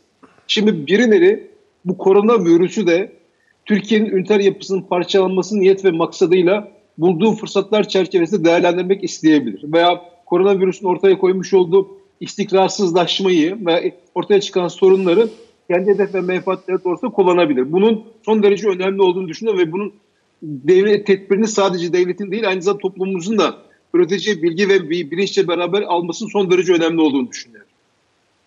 Evet. Ee, şunu da e, yani sen tabii oldukça geniş bir yani küresel bir şekilde e, meseleyi ele aldın. Şimdi tabii senin söylediklerin içinde yani asıl sormak istediğimden beni kaçıracak bir şey var. Tekrar oraya döneceğim ama bu Avrupa'daki, Kavkaslar'daki, Balkanlar'daki ya da Amerika'yı söylemiyoruz. O biraz daha belirgin oldu da askeri hareketlilikten biz ne anlamamız gerekiyor? Şimdi e, aslında Rusya'nın ve Çin'in yapmış olduğu hamleler var. Buna karşılık da e, NATO'nun ve Atlantik'in yapmış olduğu bazı hamleler var. Yani şimdi ne oldu? E, bu koronavirüsün ortaya çıkmasıyla beraber e, şöyle bir cümle kuruldu.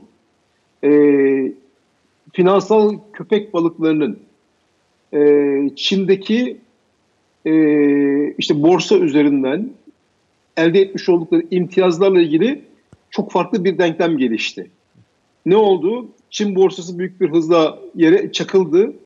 Ama Çin bunu açıkçası kendi menfaatleri doğrultusunda kullan, elinde son derece nerede kullanabileceğini bilmediği veya öyle ifade edilen yani yüzlerce milyar dolarlık bir rezerv vardı ve bu rezervi bir anda e, finansal köpek balıklarının elinde olan ama yere çakılmış olan e, hisse senetlerini almak için kullandı. Yani kendi borsasını millileştirmek için kullandı.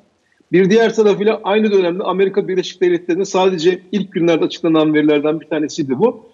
1.3 trilyon dolarlık sadece 4 şirketin, 4 küresel şirketin değer kaybı yaşadığı ifade edildi ve zaman içerisinde bu değer kaybının daha da derinleştiği söylendi. Bazılarında yükselişler de oldu açıkçası özellikle bu e, işte sektörle e, örtüşen tarafıyla işte 100 bin insan almayı düşünen işte bir takım e, şirketlerin olduğu da kendisini gösterdi.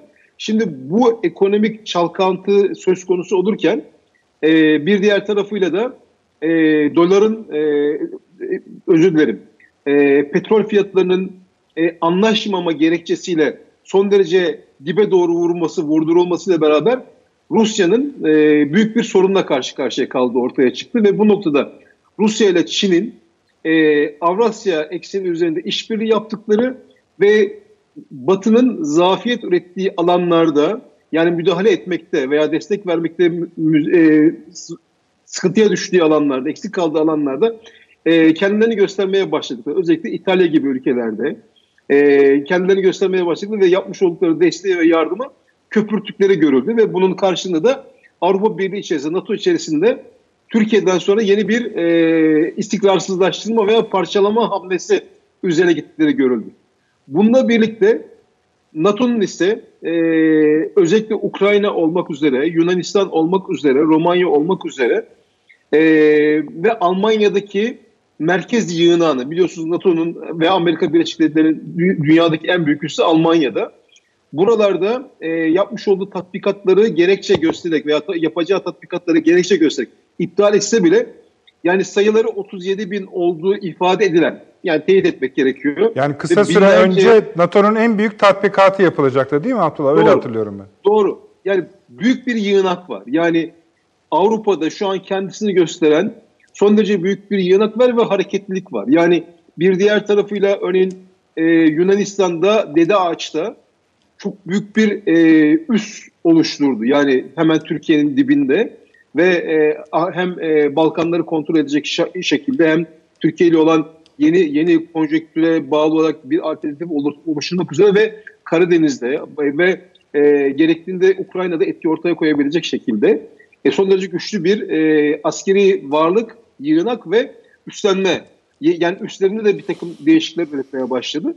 Şimdi bunların hepsi nereye gider? Bizim açımızdan en önemli olan soru şu. Çünkü e, koronavirüsün neden olduğu istikrarsızlık devletlerin artık kendilerine yetememe gibi bir takım riskleri beraberinde getirecek. Yani e, yani yani şu an şu an erken evresindeyiz açıkçası. Yani kıta Avrupası açısından e, veya Amerika Birleşik Devletleri açısından veya e, Orta Doğu açısından. Ama yarın eldeki var olan kaynaklar tükendiği zaman ve yerine konulamadığı zaman e, ve işte ithalat ve ihracat dengesindeki ortaya çıkan e, bozulmalar, kısıtlamalar, ara mamullerin satılamaması ve alınamaması üzerinden, inisiyatiflerin kaybı üzerinden ortaya çıkacak toplumsal istikrarsızlıklar acaba dışarıdan yapılacak bir takım müdahalelerle beraber ülkelerde parçalanmaya dönüşebilirim. Yani hani biz Büyük Orta Doğu projesi olarak meseleyi konuşmaya başladık yıllar önce ama şimdi çok daha büyük kapsamlı bir takım projelerle karşı karşıya kalır mıyız? Yani dünyanın e, siyasi yaklaşımı yani siyasi parçalanmışlığındaki e, fotoğraf nereye doğru gider?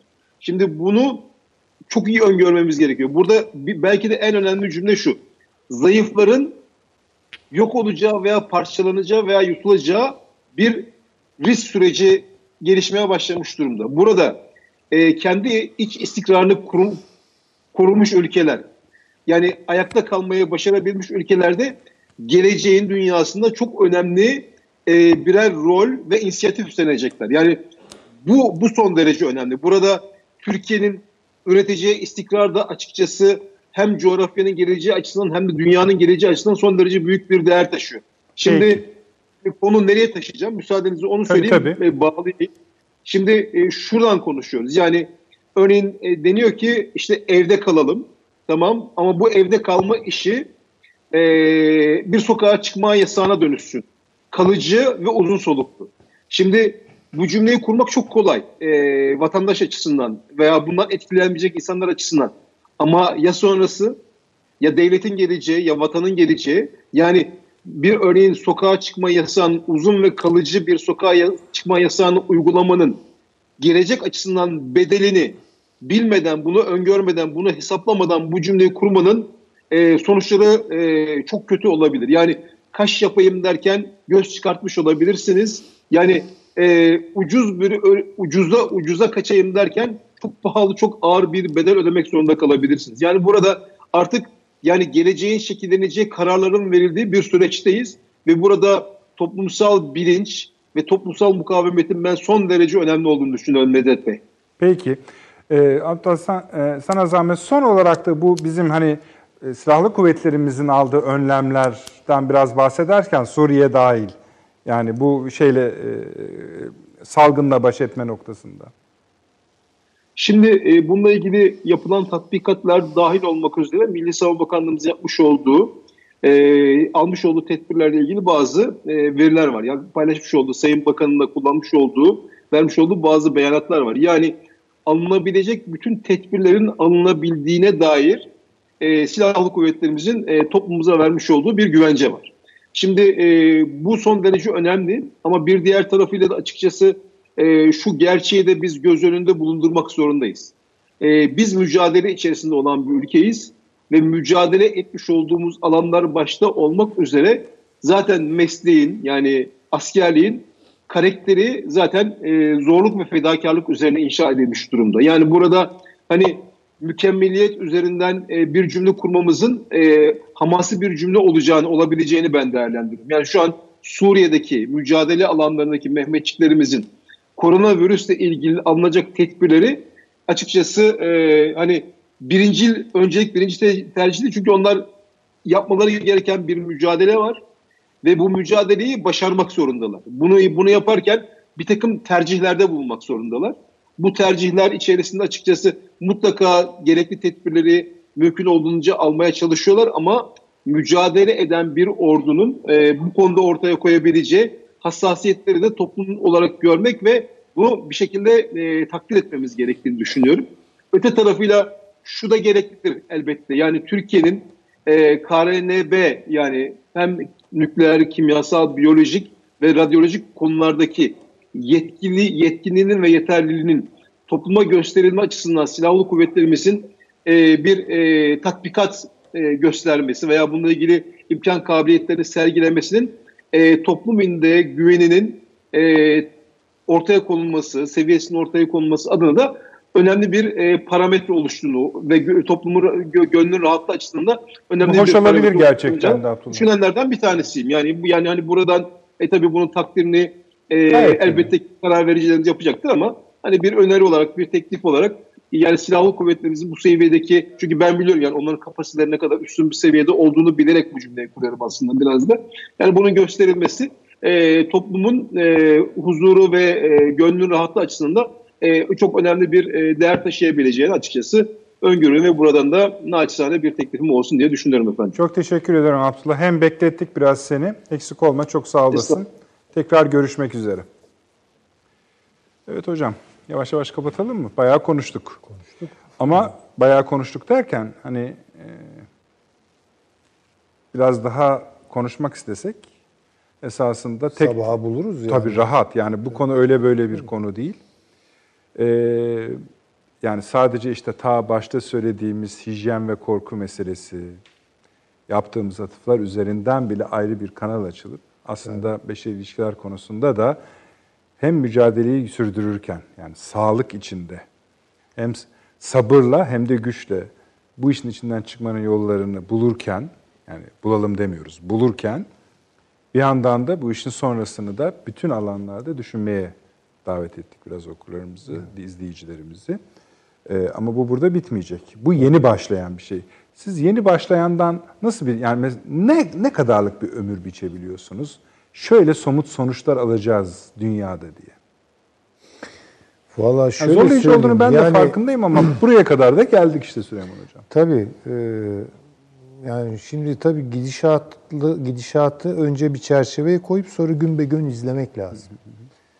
Yani şimdi mesela bugünkü e, katılımlardan benim de e, bir miktar katkıda bulundum. Şöyle bir sonuç çıktı. E, yani dünya ekonomisinin düzelecek hali yok bu haliyle. Yani bir dönüşüm geçiriyor. Şimdi bunu izlemek lazım. Yani mesela toparlanma alameti var mı? Ne yapılıyor toparlamak için dünya ekonomisi? Ne yapıyorlar? Mesela bize şu iki şeyi söyleyeceklerse bu çok daha büyük bir şok dalgasına hazır olmamızı gerektirir. Diyeceklerse bize dolar basacağız, eksi faize geçeceğiz, airdrop dedikleri böyle havadan helikopterle size para e, yağdıracağız. Ondan sonra hadi bakalım işte böyle düzeltiyoruz. Bu yandık demek. Ben söyleyeyim bunun sonucu hiper enflasyon. Çok net. Hiper enflasyon ve yani o gün ne getirir? İşte son çevrilen e, film e, Joker'laştırır mı insanlığı? Yani değil mi? Bu kaostan ne çıkar? Bu kaosu kim yönetir? Şimdi oraları hep ayrıca. Ha başka şeyler söyleniyorsa onlara dikkat edelim. Yani bir öyle bir şey söylüyorsunuz Ama, ki sonra bize kızıyorsunuz. Yani bu kaosu kim yönetir sorusu başlı başına program konusu. Tabii tabii. Bunları isimlendirmek mümkün müdür? Yani kaosu yönetecek güçler. Şimdi belli Yöneten şeyler yönetecek. ve aktörler ben söyledim ama zaten şu anki kavganın nerede billurlaştığını. Bu tarihsel devlet aklıyla. Bunun modern formasyonu var tabii ki. Sermaye aklının artık uzlaşamadığı ve kıran kırana bir mücadeleye girdiğini görüyoruz. Dolayısıyla devlet de bunu manipüle etmek isteyecektir. Sermaye de bunu manipüle etmek isteyecektir. Biz bilmiyor muyuz? Arap Baharı, rengarenk devrimler, Fransa'daki sarı gömlekliler, bilmem ne, bütün bunları yöneten bir akıl olduğu çıkıyor ortaya bizim gezi. Yani muhalif hareketleri endüstrilerini kurdular adamlar. Yani bu bir tarafıyla sermayenin para dökerek yaptığı bir şey. Devletin de organizasyonlarıyla yaptığı bir şey. E devletin elindeki güç ulusu yedeğini alıp sermayeyle boğuşmaktır. Yani dolayısıyla bu tip böyle ıı, gerilim dolu, patlamaya hazır, kaotik şeyleri öyle rastgele kendiliğinden patlamış. Öyle olsa bile o halde bırakmazlar. Mutlaka el koyup yönetirler. Ee, böyle Aslında şu aşamayı işaret ediyor gibisiniz. E, hani tabii dünya ki. kapitalizmin gerçekte ne olduğunu görme aşamasında. Zaten şimdi Allah var bunu söylüyorum. Yani Das Kapital bunu gösterdi. Portresini çizdi.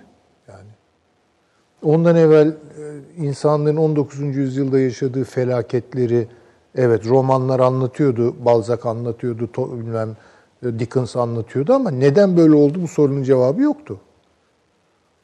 Bu adam bir fotoğraf çekti. Ama bu fotoğrafı en başta dejenere eden Marksistlerin kendisi oldu. Oysa fotoğraf kıymetli. Şimdi dolayısıyla biz kapitalizmin çelişkilerini insanlar anladı sözünü. E yani anlamadıysa artık yuh olsun yani. Dedirten nokta. Kaç tane kriz, kaç felaket, kaç savaş filan. Ee, devletin ne olduğunu bilmiyor muyuz? İşte Weber yazdı yani. Weber denilen bir adam var. Onun sayesinde devletin ne olduğunu öğrendik yani. Ee, işte ulus üzerine bir literatür var. Ulusu anlamaya çalıştık ne olduğunu filan. Yani bu aktörler e, arasındaki e, gerilimlerin, e, kavgaların bir serencamı olarak tezahür etti modern tarih zaten. Yani dolayısıyla hani şeyi söylemek istiyorum. kaotik toplumsal hareketler yani böyle baş kaldırı, isyan falan bunun artık bu hareketlerin kuracağı bir dünya yok. Ben söyleyeyim yani. Bu hareketlerden böyle yeni bir dünya tasavvuru da yok zaten. Sadece isyan, nefret ve tepki var. Fakat bunları yönetebilecek akıllar ayakta. Devlet öyle bir akıl, sermaye öyle bir akıl evet. ve bunlar kıran kırana girdi. Kıran kırana girdi. Onun için mesela Trump nerede duruyor? Bilmem e, Putin nerede duruyor? Tayyip Erdoğan nerede duruyor? Bütün bunları iyi izlemek evet, lazım. Çok yani, doğru. Şunu da ekleyeyim hocam. Son bir ay içinde virüsün etkisiyle dünya borsalarında e, eriyen para miktarı ne biliyor musunuz? 28 trilyon Amerikan doları. Peki ne kadar Amerikan doları basıldı biliyor musunuz? bir buçuk tri, e, trilyon, trilyon dolar basılıyor. Tabii karşı neredeyse hiç yani. E, tabii yani hiçbir karşılığı yok. Yani burada tek ülkelerin dökümleri de var. Bor, Bakın şimdi borsaların kaybettiği FED, ama FED, vermeyelim onu. Şimdi bunu e, Erkan Bey de güzel anlatır. Yani çok kısa bir şey tabii anlatacağım. E, zaten sistemin, bu çarpık sistemin bu işte para ekonomisi dediği benim düpedüz kapitalizm olarak gördüğüm bir düzendir. Bu düzenin sakatlığı, akla aykırılığı, saçmalığı şurada. Para basıyorlar. Çünkü üretim kendi yağıyla kavrulup kendini yeniden üretemediği için buna bir dışarıdan doping yapacaklar. Para basıyorlar. Yaptıkları bu. Bu basılan paraların ekonomiye dönüp ekonomiyi yeniden ayağa kaldırmasını bekliyorlar. Öyle olmuyor. Ekonominin en lümpen alanlarına gidiyor. Hizmetler sektörünü şişiriyor. Morgıcı, ev sahibi yapmak filan, tüketim, kültür endüstrileri filan bunlar. E bu verimli bir şey değil. Şimdi bunu bugüne kadar nasıl yüzdürebildiler? Şöyle yüzdürdüler. Dönemsel olarak bu parayı geri çektiler. E, yani mesela 1974'te basıyor. Aşağı yukarı bir 4 sene sonra filan bunu çekiyor geri. Sonra yeni bir nefes aldırmış oluyor. Bu suni teneffüs yani. 80'de basıyor, işte 85'te toparlıyor filan. Bu faizlerle de o oynuyorlar yani. Faizle biraz yükseltip para çekip yani o parayı yok ediyorlar filan. Bir dengeye getirmeye çalışıyorlar. 2008'de bu senaryo çöktü. Biz şimdi neredeyiz biliyor musunuz Nedret Beyciğim? Biz şu an 2008 krizinin bulunduğu ortamdayız. 2008 krizi aşılmadı. Çin bunu palyatif olarak sürükledi. Erteledi. Erteledi. erteledi. Tekledi. Evet. Öteledi. Ama şimdi böyle bir fırsat da yok. İşte endişelerimiz, korkularımız buradan. Şimdi burada bir hesaplaşma var. İyi niyetli beklentiler var yeni teknolojiden vesaire ama bence çok kötü sonuçlar da verebilir. Teknolojiyi kim yönetecek şimdi? Bu da bir soru. Ya teknolojinin kendi aklı var, başı, almış başını gidiyor diye bir şey yok ki. Teknolojiye kanat takmanın bir alemi yok. Onu anjelizmin konusu haline getirmenin bir alemi yok. Hani onu Harika. diabolik kılmanın da, şeytani kılmanın da bir alemi yok. Kim yönetecek bunu? Kim yön? Yani e, elektronu parçaladığı zaman e, şey yani, kaosu kim yönetecek? Yeni dünyayı düzenini kim yönetecek? kim yönetecek? Yeni yani yeni teknolojiyi kim yönetecek? Tabii ki. Tabii ee, ki. Mesela ben size şimdi Hindistan'ın Çin Büyükelçisi'ne attığı mesajın mealini söyleyeyim. Virüse karşı mücadelede Hindistan'da Hindistan'la birlikte çalışma arzusundayız diyor. Mesela. Çin tabii. Çin diyor. Ya şimdi bunu bir fırsata ya, çevirmeye tabii. çalışıyor. Yani bunu yönetmeye çalışıyor. Ve Hindistan da şimdi biliyorsunuz karantina girdi ya. Tabii. Açacaktır o da kapılarını görün. Tabii.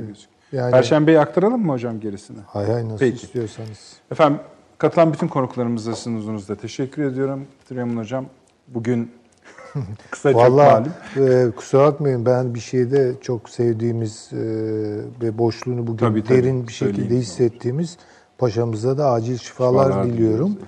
Çok başarılı geçmiş. İnşallah Onu da öğrendik. Seride biliyordur şu anda. Ee, inşallah. Çok e, selamlar. Ondan sonra Avni Özgürel Üstadımızın e, şeyi de hissedildi yeteri kadar Gayet uzakta kaldığı her zaman için. hissediyoruz. Ee, inşallah biraz telafi etmeye çalıştık ikimiz onların boşluğunu. Yalnız hocam. Perşembe de var Avni abimiz inşallah. İnşallah. Ee, efendim yani Hepsini okuyacağım emin olabilirsiniz. Çok kıymetli eleştiriler, çok kıymetli eleştiriler, çok kıymetli katkılar. En çok ona seviniyorum.